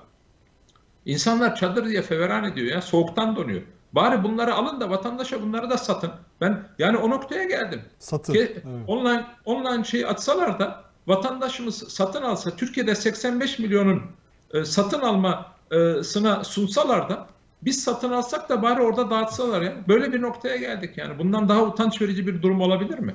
Evet. Onun için yani 2050 çadır falan yani bunlar bunlar başlı başına her birisi ürpertici şeyler ya. Her birisi utanç verici şeyler. Evet. Ama yani utanmayan, utanan kalmadı ki ya maalesef. Kızılay Başkanı yeni bir açıklama ya. yapmış. Öyle bir pervasızlıkla karşı karşıyayız ki evet. insanlar bunu gayet normalmiş gibi bir de izah etmeye kalkıyorlar. Evet. Bir de bunu eleştirene hakaret ediyorlar. Yeni bir açıklama yapmış Kızılay Başkanı. Ee, Kızılay Cemiyeti kendilerine, kendilerine gelen bağışları ihtiyaç sahiplerine ulaştırmaktadır. Kesinlikle satmamaktadır. Basında yer alan konu Kızılay'a sürdürülebilir gelir üreten insani yardım afet alanında uzmanlaşmış şirketlerimizin faaliyetleridir diyor. Hala izah etmeye yani biz yap diyor ki yani cemiyet yapmıyor, şirketlerimiz yapıyor diyor. Çok acayip Şimdi gerçekten olay yani. şu, olay şu. Olay şu. İşin mesela burada satıp satmamada ikincil, üçüncül bir konu. Mesele şu. Senin elinde çadır var. Evet. Hatta depremin ilk günlerinde bu çadır senin elinde duruyor. Millet soğuktan donuyor. Sen aklına bile getirmemen lazım. Senin şeye vermen gereken cevap e, Türk Eczacılar Birliği'ne ve e, Ahbap. Ahbap'a vermen gereken cevap elimde çadır yok. Elimdeki çadırların tamamını ben Gönderdim. sahada dağıtıma sürdüm. Sizin yapam yapabileceğiniz bir şey varsa benim beceremediğim bir şey yurt dışından çadır alın temin edin bunları getirin desin bari onu beceremiyor. Ki bunu bile buna bile akılla bakın bu bile akla gelmemesi lazım ya. Böyle bir şey olabilir mi ya? Hepimiz yurt dışında çadır arayışı peşindeyiz. Ve yurt dışındaki arkadaşlar da soruyorlar ya bana da soruyorlar ya Mustafa yanlış anlama kusura bakma da seninle ne alakası var bu işin? Yani çünkü niye? Sorun bizim ülkemizde üzerine düşen, üzerine düşenin e, ni yapmıyor ki. Öyle bir bilince sahip değil ki. Adeta herkes seferber olmuş. E, böyle bir devlet düzeni olabilir mi? Peki mesela baktığınız zaman burada ihmaller, suçlar var. Yani biz 45 bin insan hayatını kaybetti. Bazı insanlar enkaz altında günlerce kaldıkları için hayatını kaybettiler. E, bütün bu öncesinde deprem öncesinde yapılmayanlar var. E, yani depremin tatbikatı bile yapılmış olmasına rağmen, geliyor olmasına rağmen yapılmayanlar var. Burada bir hesap verme mekanizması kurulabilecek mi yoksa işte şu anda 170 galiba müteahhit gözaltında ve tutuklanmış. Onlar, onların da bir kısmı da serbest bırakıldı. Onlardan ibaret bir, bir tane de belediye başkanı ga- AK Partili belediye Evet. başkanı tutuklandı. O en üst düzey o şu anda. Ama onun da müteahhitlikle böyle hani Evet, şeyden değil yerine. Evet. görevini yerine getirmeme değil de Aynen. müteahhitlikle bağlantısı olduğu için. Evet. Yani orada bir erdemle görevden alma ya da tutuklama Değil, şeyi evet, değil yani. öyle. Onun altını çizelim. Ee, Bence bence nasıl bakın olacak bu çok sınırlar nasıl belirlenecek? Olacak mı böyle bir şey yani? Görüyor musunuz böyle bir Bakın ihtimal her var mı? şeyden önce o bilmem görevden alma konusu da aslında şaşırtıcı değil mi? Fakat şimdi burada birkaç e, boyuttan meseleye bakmak gerekir. Bir, bir kere bu bilmem müteahhitlerin e, gözaltına alınması, tutuklanması veyahut da özellikle AK Partili birisinin gözaltına alınması, tutuklanması bu göz boyamadır. Yani şimdi bir CHP'li yerel yönetici yapsalar da tutuklasalardı herkes bas bas bağıracaktı ve denilecekti neden o zaman diğerleriyle ilgili bunu yapmıyorsunuz? Sonuçta hangi birisini yapacaklar? Yani burada e, hani masum bulmak neredeyse imkansız e, bir e, tabloyla karşı karşıyayız. Fakat e, bir de şu var böyle e, tam despotizmi oturtamamış hani e, tam böyle arzu ettikleri düzeyde istedikleri rejimi oturtma, oturtamamış düzenlerde zaten e, toplumun gazını almak için böyle şeyler yapılır biliyorsunuz. E, bunu sadece iktidar yapmıyor. Bu e, farklı toplumsal kesimler de yapıyor. Gariban Suriyeli'yi hedef gösteriyor. Oradaki göçmeni hedef gösteriyor. Onun üzerine giriyor. Bilmem işte e, orada yağma yapan insanları e, lincine alkış tutuyor. Burada bile nasıl bir hukuksuzlukla, nasıl bir dramla karşı karşıya olduğumuzu lütfen e, şöyle gözümüzün önüne getirelim. O veyahut da işte bir tane, birkaç tane müteahhiti. Ya halbuki burada yani e, yani ki- yok ki sonuçta. Şu an hangi birisini sayalım? Bakın şimdi mesela kanun, yönetmelik, yönerge, iman planı, plan notları bunların hiçbirisi bu olaylarda uygulanmadığını zaten hep birlikte görüyoruz. E bunun ötesinde sorumluluktan başlayacak olursak burada vatandaş hırsına yenilen, daha fazla kazanayım, daha fazla e, kar elde edeyim, daha fazla arsamı değerlendireyim diyen vatandaş başta olmak üzere mimar, mühendis, usta, kalfa, amele yani burada hangi birisini sorumsuz kabul edebiliriz? Dolayısıyla korkunç ve bütüncül e, bir ahlaki sorunla karşı karşıyayız. E, Bunu göz ardı edemeyiz. Yoksa bizim kanunlarımız var. Demin onları gözden geçirdim. 1939 Erzincan depreminden sonra e, Bayındırlık Bakanlığı 1940 yılında zelzele mıntıkalarında yapılacak inşaatlara ait İtalyan yapı talimatnamesi çıkarmış. Niye İtalyan yapı talimatnamesi? Çünkü İtalya'dan alınmış. Sonra 1943 Tosya depremi, 1944 Gerede depreminden sonra da yine 1944 yılında deprem talimatnamesi yayınlanmış. 49 yılında 3. 53 yılında 4. 62 yılında 5. 75 yılında 6. 1998 yılında 7. yönetmelik yürürlüğe girmiş. Sonra Gölcük depremi olmuş. Bakmışız ki ya bu yönetmeliklerin hiçbirisinin bir kıymet harbiyesi yok çünkü kimse bunları takmıyor. Ya bugün jeoloji mühendisi, geoteknik mühendisi, jeofizik mühendisi bunların hepsi bu yapı ruhsat belgesine imza atıyorlar. Hatta imza atıyorlar. Yapılan yapının kanun, yönetmelik ve plan notlarına uygun yapılacaktır. Sonra uygun yapılmıştır diye imza atıyorlar. Şimdi bu e, ruhsatta, iskanda yani hepsini bir araya getirdiğimiz zaman, topladığımız zaman onlarca imza var. Ben bundan birkaç yıl önce e, bir avukat olarak bana Suriye'den bir belge getirmişlerdi. Böyle bir resmi bir belge. Belgeye baktım, belgenin üzerinde 13 tane imza var veya mühür var. Yani belge neredeyse okunmaz hale gelmiş. Dedim ki ya bu niye böyle dedim ya bu belgeyi ne hale getirmişsiniz? Belgeyi okuyacak durumda değilim ki. Şimdi bana dediler ki ya Suriye'de kimse kimseye güvenmediği için, hiçbir kurum da diğer bir kuruma da güvenmediği için böylece sonuçta ve Batı Avrupa ülkeleri bu e, imzaların, mühürlerin hiçbirisine de güvenmedikleri için böylece e, işte belge bu hale dönüşüyor. Şimdi biz ülke olarak bu hale gelmiş vaziyetteyiz. Evet. Ondan sonra da çıkıp güçlü devletten bahsediyoruz. Güçlü devlet kurumlarıyla var olan bir devlettir. Güçlü devlet hesap verilebilir bir devlettir. Güçlü devlet vatandaşının sesini çıkarttığı zaman ezilmediği bir devlet. Bizde bunların hiçbirisi kalmadı ki. Biz çok zayıf bir devletiz.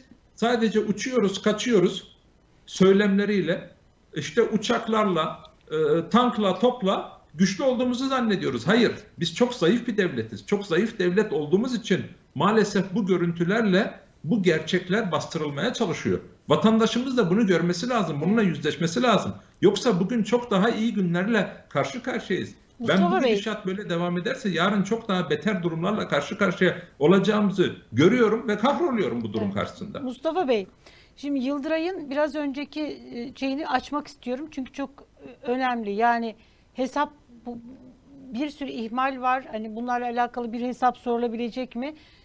Söylediğiniz şey çok haklı. Biraz önce zaten dediniz ki hani Türkiye anayasal devlet değil, anayasası olan devlet. Bir kere hani bunun bir altını çizmemiz gerekiyor. Türkiye'nin ne kanunlarında eksiklik var, bütün işte hani kurumlar var. Yani bütün kurumlarımız var, kanunlarımız tamam, mevzuatlarımız tamam. Mesele bizim bunlarla alakalı kanunlarımızın işte hani mevzuatlarımızın yönetmeliklerimizin olmaması değil. Bunların uygulanmasında sorun var. İşte afet bir afet bölgesinde afetle alakalı kurumlar var mı? Var. Hepsi var. Ama kurum işte sadece tabela olarak var. Şimdi burada e, Deva Partisi lideri Ali Babacan da önemli bir şey yapıyor. Gerçekten hani bu böyle daha yüksek sesle söylenmesi gerekiyor. Ben buradan kendisine tebrik ediyorum. Çünkü e, olması gereken bir şey. Yani ilk 48 saat bu devlet neredeydi? Neden yetişemedi? İşte e, koordinasyon niye sağlayamadı? Asker, jandarma, işte madenciler niye sevk edilemedi? Çünkü bir devlet bu organizasyonu yapması gerekiyordu. Bu 48 saat çok önemli. Ama sadece 48 saat aradan 20 gün geçti yine devlet yok. Şimdi burada e, 45 bin bizim kaybımız, can kaybımız var. Fakat bu 45 bin can kaybının büyük bir bölümü de büyük bir ihtimalle devlet oraya yetişemediği için arama kurtarma çalışmaları zamanında yapılamadığından dolayı e, hayatlarını yitirdiler. Babacan da bunu söylüyor diyor ki e, o ilk günlerdeki aksaklık yüzünden kaybettik binlerce canımızı. O aksaklıkların niye olduğunu, nasıl olduğunu anlatın diyor. Anlatmak yetmez. Yani burada Şimdi ölüme sebebiyet verme. Yani bu insanlar üç günde yetişilseydi, ilk gün olsaydı daha çok insan kurtulacaktı. İkinci günde daha fazla arama kurtarma yapılsaydı daha fazla insan kurtulacaktı. Devlet gidemediği için büyük bir can kaybı ortaya çıktı. Bunun bir hukuki süreci olabilir mi? Yani bu can kayıplarının e, yetişemeyen Olması kurumlara. gerekir o normal olması hukuk, gerekir. Normal hukuk devletinde olması gerekiyor. Tabii. Ama bugünkü hukuk sisteminde bu mümkün değil. Fakat bu insanların kanı da yerde kalmaması gerekiyor. Neden? Çünkü bir daha böyle bir şey olmasın diye. Babacan da bunu söylüyor. Diyor ki bunu diyor biz çözeceğiz saniye saniye ki bir daha bu acılar yaşanmasın. Bu millet böylesi bir acıyla karşılaşmasın. Devlet kurumları da ilgili kurumlar da böyle bir sorumsuzluk içerisinde olmasınlar. Bunun yolu nasıl açılabilir? Ne yapmak gerekiyor? Sizin bu konuda çalışmalarınız var mı?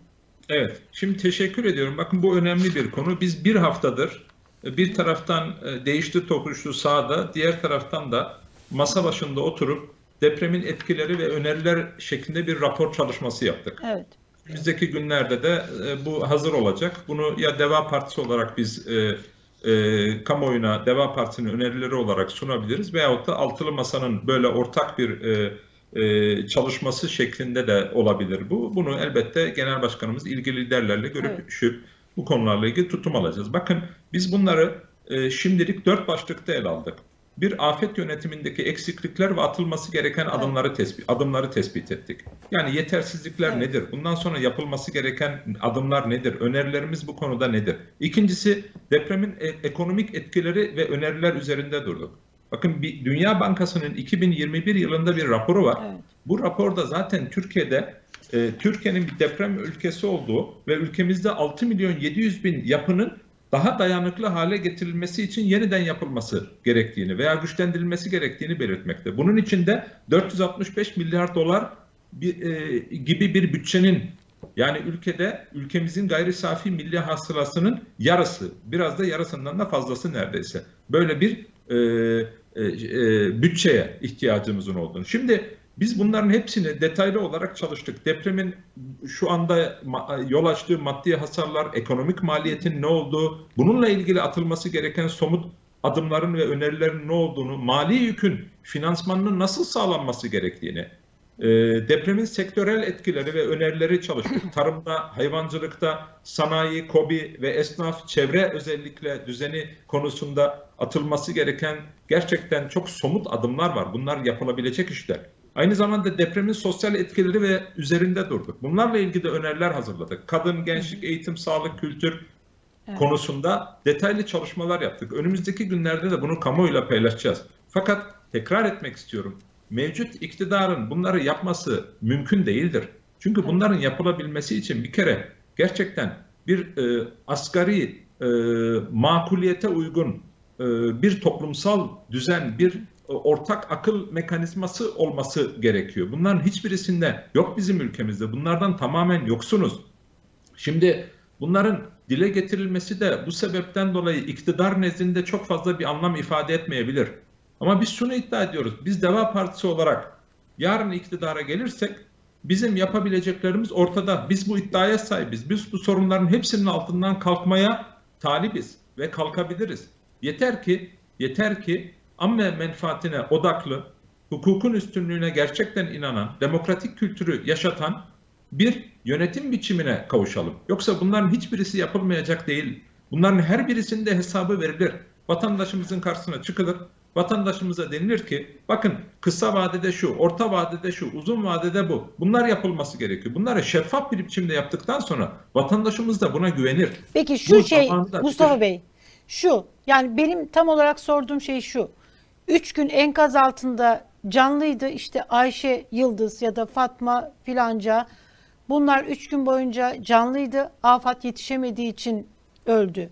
Afat zamanında yetişseydi, devlet yetişseydi bu hayatta kalacaktı.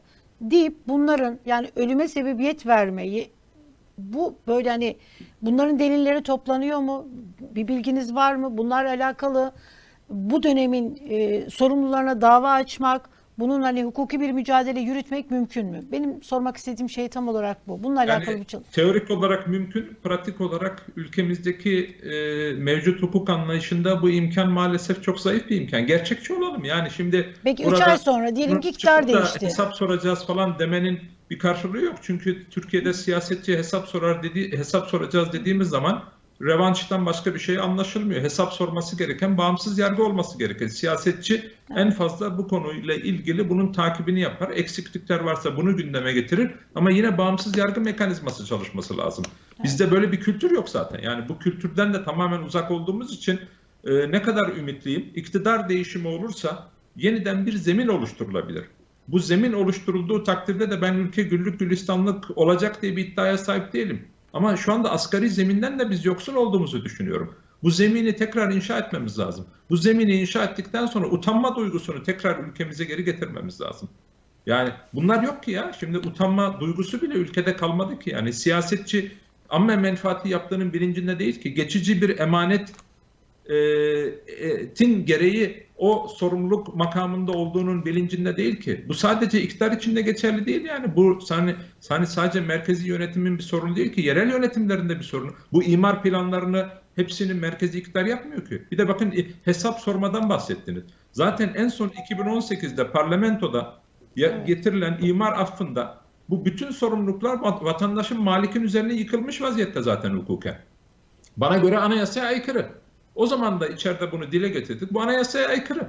Ne yaparsanız yapın anayasaya aykırı. Anayasa Mahkemesi bunu dava konusunda iptal etmesi lazım. İptal etmesi durumunda bütün sorumluluklar sorumluluğa, sorumlulukları layığıyla yüzleşmesi lazım. Bunun hesabını vermesi lazım. Ama mesele onu bunu yargılamakla olmaz. Yargılama dediğimiz zaman sadece birkaç siyasetçi akla geliyor. Konu bu değil ki. Ben bunu söylemeye çalışıyorum. Evet. Yani mühendisi ne yapacağız?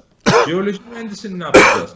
Oradaki inşaat mühendisini ne yapacağız? Müteahhitler sadece müteahhitler değil ki. O hırsa sahip vatandaşı nereye koyacağız? Denetleme firmaları var. Bir sürü evet. şey denetleme var. firmaları. Bakın bu denetleme firma. Ha aslında bunun nasıl olabileceğiyle ilgili örnekler de var. Hatırlar birkaç yıl önce kaç yıl oldu tam olarak hatırlamıyorum ama özellikle eskiden biliyorsunuz ara, şeyde trafikte yani her ortamda çürük arabalar dolaşıyordu. Artık bu göremiyoruz. Niye göremiyoruz? Evet. Çünkü Almanya'dan tüfü getirdik buraya. Onun olanaklarıyla yeni bir sistem kuruldu. Bu sistem bağımsız bir sistem. Bu sistem rüşvetle çalışmayan bir sistem. Dolayısıyla bu sistem işleyen bir sistem. Yani bunların hepsi mümkün. İmkansız olan bir şey yok ki. Yeter ki isteyelim bunu. Yeter ki sonuçta 3 kuruş sermaye koyup da 30 kuruş kazanmak istemeyelim. Ben şimdi ülkede müteahhitlerle konuşuyorum. İstanbul'daki arkadaşlar diyorum ki ya samimi olun Allah aşkına. Bir daireden ne kadar para kazanıyorsunuz? Bana birçoğu diyor ki abi şu dönemde diyor samimi olmak gerekirse yani yüzde iki yüzün altında eğer para kazanıyorsak e, bu para kazanmamış kabul ediyoruz. Ya şimdi normalde bu işin ölçüsü nedir? Normal işleyen bir ekonomik düzende yüzde yirmidir, yüzde otuzdur. Bu çok ciddi bir kar getirisidir. Fakat sonuçta biz yüzde iki yüzlerden falan bahsediyoruz. Bunun altında olduğu takdirde kardan zarar kabul ediyor insanlar. Şimdi böyle bir tamamen ranta odaklı bir düzenle karşı karşıyayız. Bunu aşma, bunun aşmanın yolu da ilk önce ahlakın, ahlakla kuralların işletilmesi, bu kuralların da gerçekten genel bir ahlaka dönüşmesi ve bunu da her birimiz denetleyebilmemiz. Denetlediğimiz takdirde de başımıza bir şey gelmeyeceğinden emin olmamız. E bunların hepsinden yoksunuz. Mustafa Bey şimdi e, iktidarın e, ilk andan itibaren klipler çekmesi e, önce bu işte Asrın Felaketi diye bir kampanya örgütlemesi. E, TRT'nin yine böyle enkazlar üzerinden dronlar uçurarak klipler çekmesi. Şimdi de biz bunu yapacağız. İnşaatlara başladık. İşte Murat Kurum Cumhurbaşkanı bunun üzerinden bunu şey yap. Yani enkazlar bir an önce şey olsun biz yeniden binalar yapacağız. Bunu e, siyaseten ahlaken nasıl buluyorsunuz ve bu bir bu işe yarar mı? Şimdi ortada e, işin bir ahlakının olmadığı kalmadığı zaten malum hepimizce. Yoksa zaten ahlak olsaydı insanlar e, e, asgari ahlak gereği zaten istifa ederlerdi. E, ya utanırlardı, sokağa çıkamazlardı. Bunu geçtik. Ortada bir ahlak diye bir şey yok. Ortada tamamen ben güçlü olmazsam, elimden ki imkandan olursam e, bir kere e, e, iktidardan olurum. Yani bir kere bakın şu var ya şimdi temel problem şu. Yani iktidar dediğiniz geçici bir emanettir. E, ve bu demokratik düzenlerde e, değişken olmalıdır. Değişken olmadığı takdirde zaten demokratik bir düzenden bahsedemeyiz. Denge denetim mekanizmaları böyle bir toplumsal yapıda olmaz. İktidar mecburen değişmesi lazım. İşleyen demokratik düzenlerde böyledir. Boşu boşuna Amerikalılar iki dönemlik kural getirmemiştir. Boşu boşuna başka ülkelerde e, siyasi partiler iktidara uygun çoğunluğu elde etseler bile e, bazen o iktidarı e, üstlenmiyorlar. Bakın ben size en son Berlin seçimlerinden bahsedeyim. Almanya'da Berlin'de eyalet seçimleri oldu. Berlin'de hükümetin büyük ortağı sosyal demokratlar seçimleri böyle e, kaybettiler. Hristiyan demokratlar onların neredeyse 10 puan önüne çıktı. Ve şimdi sosyal demokrat içerisinde birçok kişi çıktı diyor ki artık biz bu iktidarı sürdürme e, yetkisine sahip değiliz diyor. Ahlaken bu doğru değil. Çünkü biz birinci parti çıkmadık, ciddi bir yenilgi elde ettik. Bizim eyalet parti başkanımızı istifa etmesi lazım. Burada yeni bir başlangıç gerçekleştirmemiz lazım. Ancak yeni bir başlangıç da yeni bir yol açarak belki toplumda tekrar güven sağlayabiliriz. Yani bir siyasi parti kendini bu şekilde bir araç olarak konumlandırırsa, yani amme menfaatine hizmetin regüle edildiği bir araç olarak konumlandırırsa bu konuştuğumuz şeylerin her birisinin bir anlamı olur. Şimdi iktidar gücümü korumak için ne yapmalıyım derdine düşmüş. O sebepten dolayı tamamen işi propagandaya dökmüş ve bunun da e, yani bu bunun ahlakiliği tartışılmaz ki. Bunun gayri ahlaki olduğunu zaten kendileri de biliyorlar. Ama şöyle bir gerekçeyle idare etmeye çalışıyorlar. Ben parlamentoda milletvekilleriyle konuşuyorum. Arkadaşlarım birçoğu diyor ki ya haklısın da diyor. Diğerleri bizden daha mı iyi diyor. Kendilerini bu şekilde. Şimdi son zamanlarda moda bu. Ehvenişer. Evet biz kötüyüz ama diğerleri de bizden çok da iyi değil. Bunu seçmenler de söylüyor. Efendim? Yani halk tarafında da e, popüler olan bir argüman bu. Maalesef sonuçta halk tarafından da söyleniyor, milletvekilleri tarafından da söyleniyor. Ama buradaki temel problem yani neden iktidar olmak zorundasınız? Bakın öyle sorular ki bunlar. Normalde asıl sorulması gereken sorular kimsenin aklına gelmiyor. Yani neden ben sonuçta atıyorum 8-10 dönem milletvekili olmak zorunda mıyım? İlelebet siyaset yapmak zorunda mıyım? Ya insan, insanoğlu yani aynı zamanda haddini bilmesi gereken bir varlıktır. Bizde maalesef siyasetin böyle bir sorunu var. İnsanlar hadlerini bilmiyorlar. İnsanlar sonlarının olduğunu, dünyanın ölümcül olduğunu, hayatın gerçekten kısa olduğunun bilincinde değiller. Ve tabii ki yaptıkları hatalarla yüzleşmek istemiyorlar. Şu anda iktidarın en büyük endişesi, en büyük korkusu ne? Biz iktidardan düşersek bu yaptıklarımız kötülüklerin hesabını bize sorarlar. Ya bazen düşünüyorum bu kadar endişe etmelerine gerek var mı acaba? Niye? Çünkü ülkede hukuk düzeni yok ki zaten. Ülkede bağımsız tarafsız bir yargı yok ki zaten. O sebepten dolayı da zaten bunu aynı zamanda kendilerine kalkan ediniyorlar. Diyorlar ki ya biz öyle bir hukuk düzeni burada yarattık ki diyorlar. Nasıl olsa bunu başkası da gelse sopa olarak kullanacak. E, dolayısıyla başkasının sopa olarak kullanılmasındansa ben sopa olarak kullanayım, o, onun kadar kötülük yapmam diye kendini avutmaya çalışıyor. Yani böyle kötülükler içerisinde dipsiz kuyu gibi adeta savrulup duruyoruz. İnanın kahredici. Yani bu ortamda siyaset yapmanın da e, herhalde e, e, yani hiçbir e, keyifli tarafı olmadığını da siz de takdir edersiniz ama siz de diyeceksiniz ki Mustafa Bey bize de bir gazeteciliği sorun yani gazeteciliğin keyfi keyifli hali var mı diye. Gerçekten içler acısı bir tabloyla karşı karşıyayız. Bu sadece şu siyasetçi, bu siyasetçi iktidar için vesaire geçerli değil. Ben çok daha genel, çok daha temelli, çok daha derin bir sorun olduğunu düşünüyorum. E, bu sorunla hem iktidarı hem muhalefeti ve bütün toplumun da yüzleşmesi gerektiğini düşünüyorum. Peki Ama e, güçlü- son olarak e, siyaset evet e, yapmak çok zor ama seçim geliyor ve e, bunların değişmesi için bir seçim var. İnsanlar orada kararlarını verecekler. E, muhalefette işte bugün e, Kılıçdaroğlu Akşener arasında bir görüşme olacak. İşte CHP Kılıçdaroğlu'na bütün yetkileri verdi. Tartışmalar depreme rağmen bir takım adaylık e, ve tartışmalar da devam etti ilginç bir şekilde. E, bu bu yani siyaset yapmak da bunları konuşmak da şimdi bu tabii afetten henüz bu kriz e, devam ederken hala enkazlar insanlar çıkarırken konuşmak da çok şey değil. İnsanlar konuşmak da istemiyorlar. Fakat sonuçta seçim yaklaşıyor. İktidar buna hazırlandığı görülüyor. Propaganda filmleriyle, kampanyasıyla. Muhalefet bloğunda artık tartışmalar böyle çok topluma bu depreme rağmen hala devam etmesi biraz böyle sakil ve hani hala bunlarla uğraşıyorlar hissi vermiyor mu sizce? Şimdi her şeyden önce tabii şunu söylemek lazım. On binlerce insanımız e, hayatını kaybetmiş vaziyette. Demin de onu belirttik. Enkazdan daha da çıkartılmayan cenazeler var.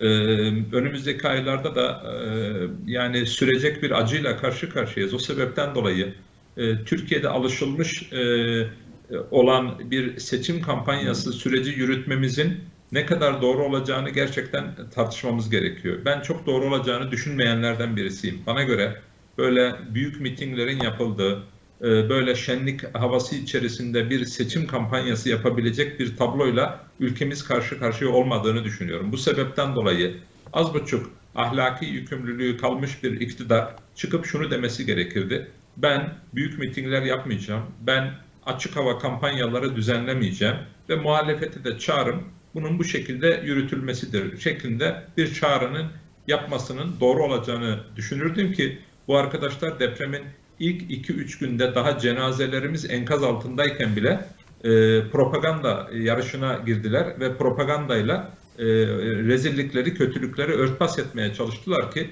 önümüzdeki aylarda da zaten çok daha beter tablolarla ben karşı karşıya kalacağımızı e, düşünüyorum. Böyle bir durumda bakın ülkemizde çok daha büyük kötülüklerin yaşanmaması için iktidar değişimi şart.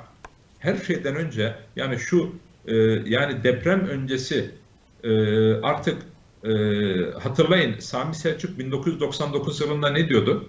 E, zorba devletten hukukun üstünlüğüne. Bugün 99'un şartlarından çok daha beter bir tabloyla karşı karşıya ülkemiz.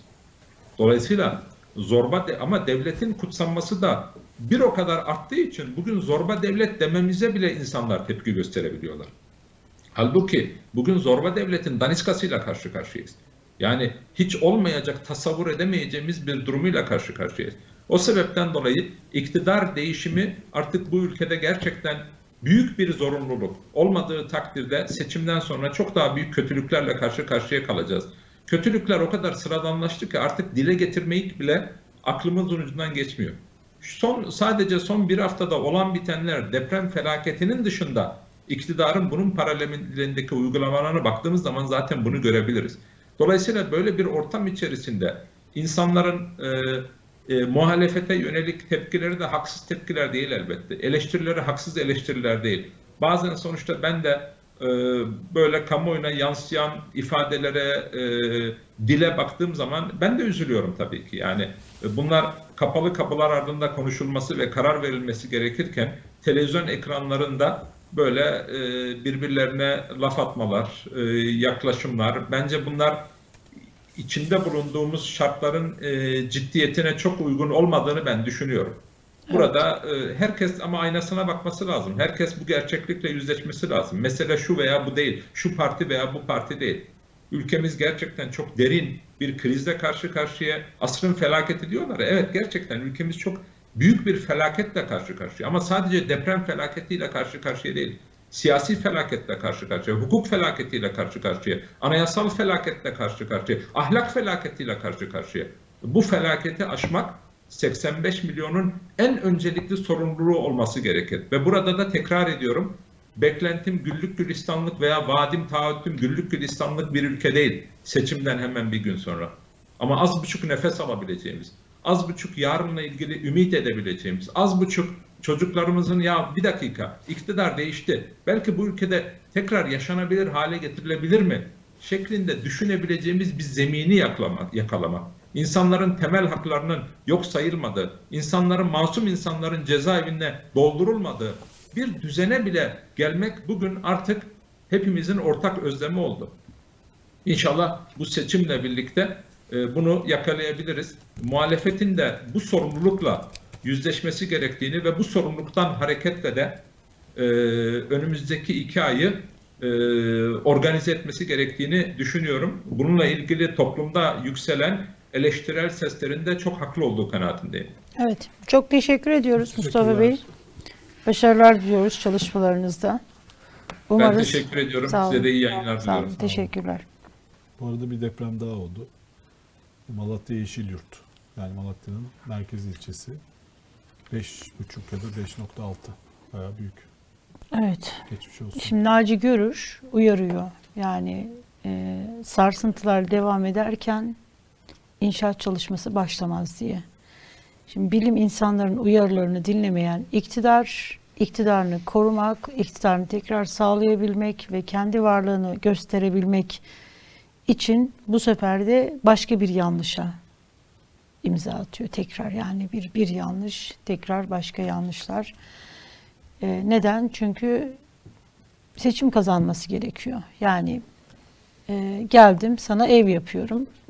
Seçim kampanyası mı üzerine yani Seçim kampanyasını zaten üç şey üzerine kuracaktı. Şehirleri ayağa kaldıracağız, yaralarınızı sarılacağız, e, giden vatandaşları tekrar kendi memleketlerine döndüreceğiz. Akıl alır gibi değil. Ee, bir izleyicimiz demiş ki AK Parti siyasetçileri ne derse seçmeni de sokakta aynı şekilde diyor. Evet söylüyor ama evet AK Parti siyasetçiler yani bu biraz böyle hani çok absürt. Onlar bizden iyi mi daha mı iyi filan. Ee, ama ama seçmenlerin e, seçmenlerin ya da toplumun bu bu şeyi sorgulamayı yapması yapması biraz böyle muhalefet partilerin de şeyi var. Daha iyi bir performans sergilemiş olsalar e, seçmen evet daha iyisi var der ama seçmen toplum yani tamam AK Parti kötü de hani kim iyi sorgulamasını yapmasın haklı temelleri var. Burada muhalefet partileri oturup kendisini bir sorgulaması gerekiyor. Yani 45 bin insan hayatını kaybetmiş. Hı hı. Hala bu kadar yüzde 85 enflasyon, devlette kurum diye bir şey kalmamış.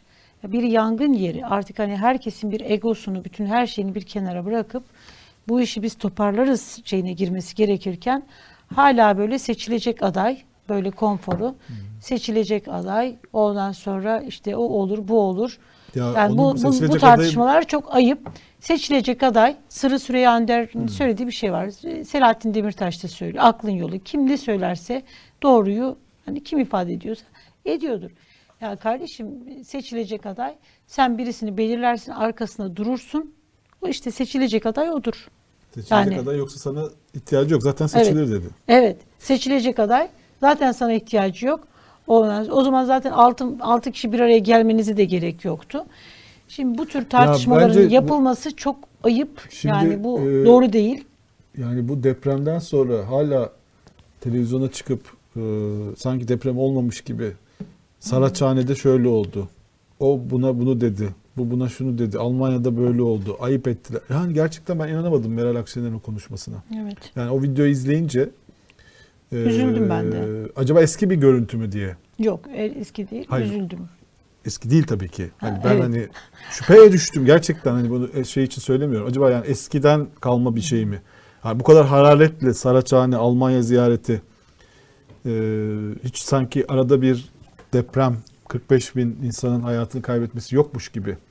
Bu kadar hararetle bunun televizyonda tartışması yani çok tuhaf oldu. Şimdi bu masada olacak şeyler. Kapalı kapılar ardında. Olmadı işte masada. Evet, oldu işte. işte. Televizyonda evet. oldu. Bunu insanlar izleyince ne düşünecek? Evet. Hani, Demek ki kafalarda hani evet. öyle gerçekten şey yok yani bunlar böyle sürekli bunlarla uğraşıyorlar evet. yani. O ona bunu dedi. Bu niye istifa etmedi? Benim adamım gitti de onun adamı İnanılmaz kimsenin umurunda değil bunlar. Farkında değil herhalde. Kimse bunlarla ilgilenmiyor. Bu ayrıntılarla ilgilenmiyor. Tamam iki ay öncenin tartışmasıydı bunlar. Şimdi bir de Meral Akşener'in e, iyi siyaset yapıyor. Benim böyle hani beğendiğim, iyi gerçekten böyle esas siyaset yapan birisi. Fakat Meral Akşener'in şöyle bir çelişkisi ortaya çıkıyor. Yani bu verdiği açıklamalar böyle şeylerle şöyle bir ortaya. Bazen böyle hani e, o çarkın içinde olduğunda ne yaptığını bilemezsin. Ne olduğunu, görüntünün nasıl olduğunu. Hani şey var ya senin ne anlattığın değil. Karşındakinin ne anladığı önemli. E, nasıl yani mesela anlatırsın haklı da olabilirsin ama ortaya bir de verdiğim bir görüntü, bir tablo var. Buraya da bir bakmak gerekiyor. Yani şöyle bir çekilip kenara geçip ya ben bunu yaptım ama ben ne yaptım acaba deyip bir kenara çekilip de bakmak gerekiyor. Burada da şöyle bir şey var. Şimdi çelişki şu Yıldıray. Meral Akşener 6 siyasi parti 6 lider içerisinde sadece Meral Akşener'in açıklamaları var. Ben masanın önünde e, işte aday belirlemede, şey belirlemede engel olmayacağım. Pranga olmayacağım. İşte 2018'den ders çıkarttım açıklamalarını yapan bir Meral Akşener var. Bunu yapan bir lider olarak bir de ortaya koyduğu bir şey var. Bu da şu. Yani kameralar önünde devamlı yaptığı açıklama haklı olabilir. Endişelerinde haklı olabilir. Ortaya koyduğu şeylerde haklı olabilir. Ben bunların hiçbirisini sorgulamıyorum. Fakat bunların konuşulma yeri ekran önü değil. Burası masada konuşacaksınız. Dışarıya çıkıp dışarıda böyle e, çünkü hani bir araya geliyorsunuz en nihayette. Medya üzerinden, televizyonlar üzerinden Kemal Kılıçdaroğlu'na mesaj vermek ya da masaya mesaj vermek. Şimdi noter değiliz. Evet kimse böyle bir şey düşünmüyor. Bu halk da böyle bir şey düşünmüyor. Noter değil, değil. Yani masa noter değil. Ama bunu masada yapın. Dışarıya bu açıklamaları yapmak Meral, Meral Hanım'ın kendisiyle çeliştiği gibi bir görüntüyü ortaya koyuyor. Hayır, bir de Yani- zaman meselesi var yani. Hani bu- bu mesela hani- e, evet. üzerine o kadar ayrıntılı bir şekilde bunun konuşulması tuhaf oldu. Evet. Oldu yani. Yani bence e, kazanacak aday tartışması Masada adayın kazanmasına en zarar veren şey oldu. Evet. Yani bu kazanacak aday tartışmasını yaptılar, yaptılar, yaptılar. Kazanacak aday, kazanacak aday, kazanacak aday. Şöyle o bana bunu dedi, bu bunu onu dedi. O açıklama yaptı. Şu istifa etmedi, bizimki istifa etti. Bütün bunun toplamında varsa da bir kazanacak aday ona en büyük zararı e, Evet. bu tartışmada kendisi var. Çok tuhaf bir sonuç oldu yani. Evet. Herhalde farkındalar bunun. Yani Bakalım e, bugün ne çıkacak bu Evet. görüşmeden. Bunu bunu bunu artık bırak, bunun bunun artık bırakılması gerekiyor. Ee, Yani bu saatten sonra kimse bu partilerin çekişmelerini herhalde şey yapamaz yani. Çok evet. yani kendileri için çok büyük meseleler olabilir de işte listeler işte yok şuradan biz aday göstereceğiz buradan. Yani bu saatten sonra bence vatandaşlar bunlarla Evet. çok ilgilenmiyorlar. Sizin heyecanlarınız olarak kalır bunlar. Evet. Ee, o yüzden e, bu kadar lüksü yok Türkiye'nin yani. Partilerin e, e, elitlerinin bence lüksleri bunlar. Yani partilerin tabanlarının da böyle tartışmalar olduğunu pek zannetmiyorum. Evet. Neyse bunu da bir gözden geçirir. Bazen o hengamenin, o siyasi atmosferin içerisinde e, bunlar anlaşılamayabilir, görülemeyebilir. E, gazeteciler, televizyoncular her şeyi sorarlar. Biz de soruyoruz. Ama bunlara cevap verirken tıpkı işte mesela Ahmet Davutoğlu'nun da Habertürk'te Mehmet Akif Ersoy'un işte hani yüzde birlik Mehmet Akif Ersoy muydu? Halk TV'de televizyon kanalında hani kriz çıkar yani biraz böyle hani sözlere dikkat etmek gerekiyor. Biraz böyle nereye gidiyor, ne oluyor? Çünkü e, hala altı parti onun da seçim tarihini Erdoğan açıklayacak. Ee, seçmenin de böyle hani AK Parti iyi ama onlar iyi mi şeyini üzerinde biraz düşünmeleri gerekiyor. Hala mesela AK Parti'nin oyları niye %37'de çıkıyor? Niye %30'un üzerinde çıkıyor? Biraz böyle hani buna da kafa yormaları gerekiyor. Evet bizden bu kadar. Söyleyeceğim bir şey var mı Yıldıray?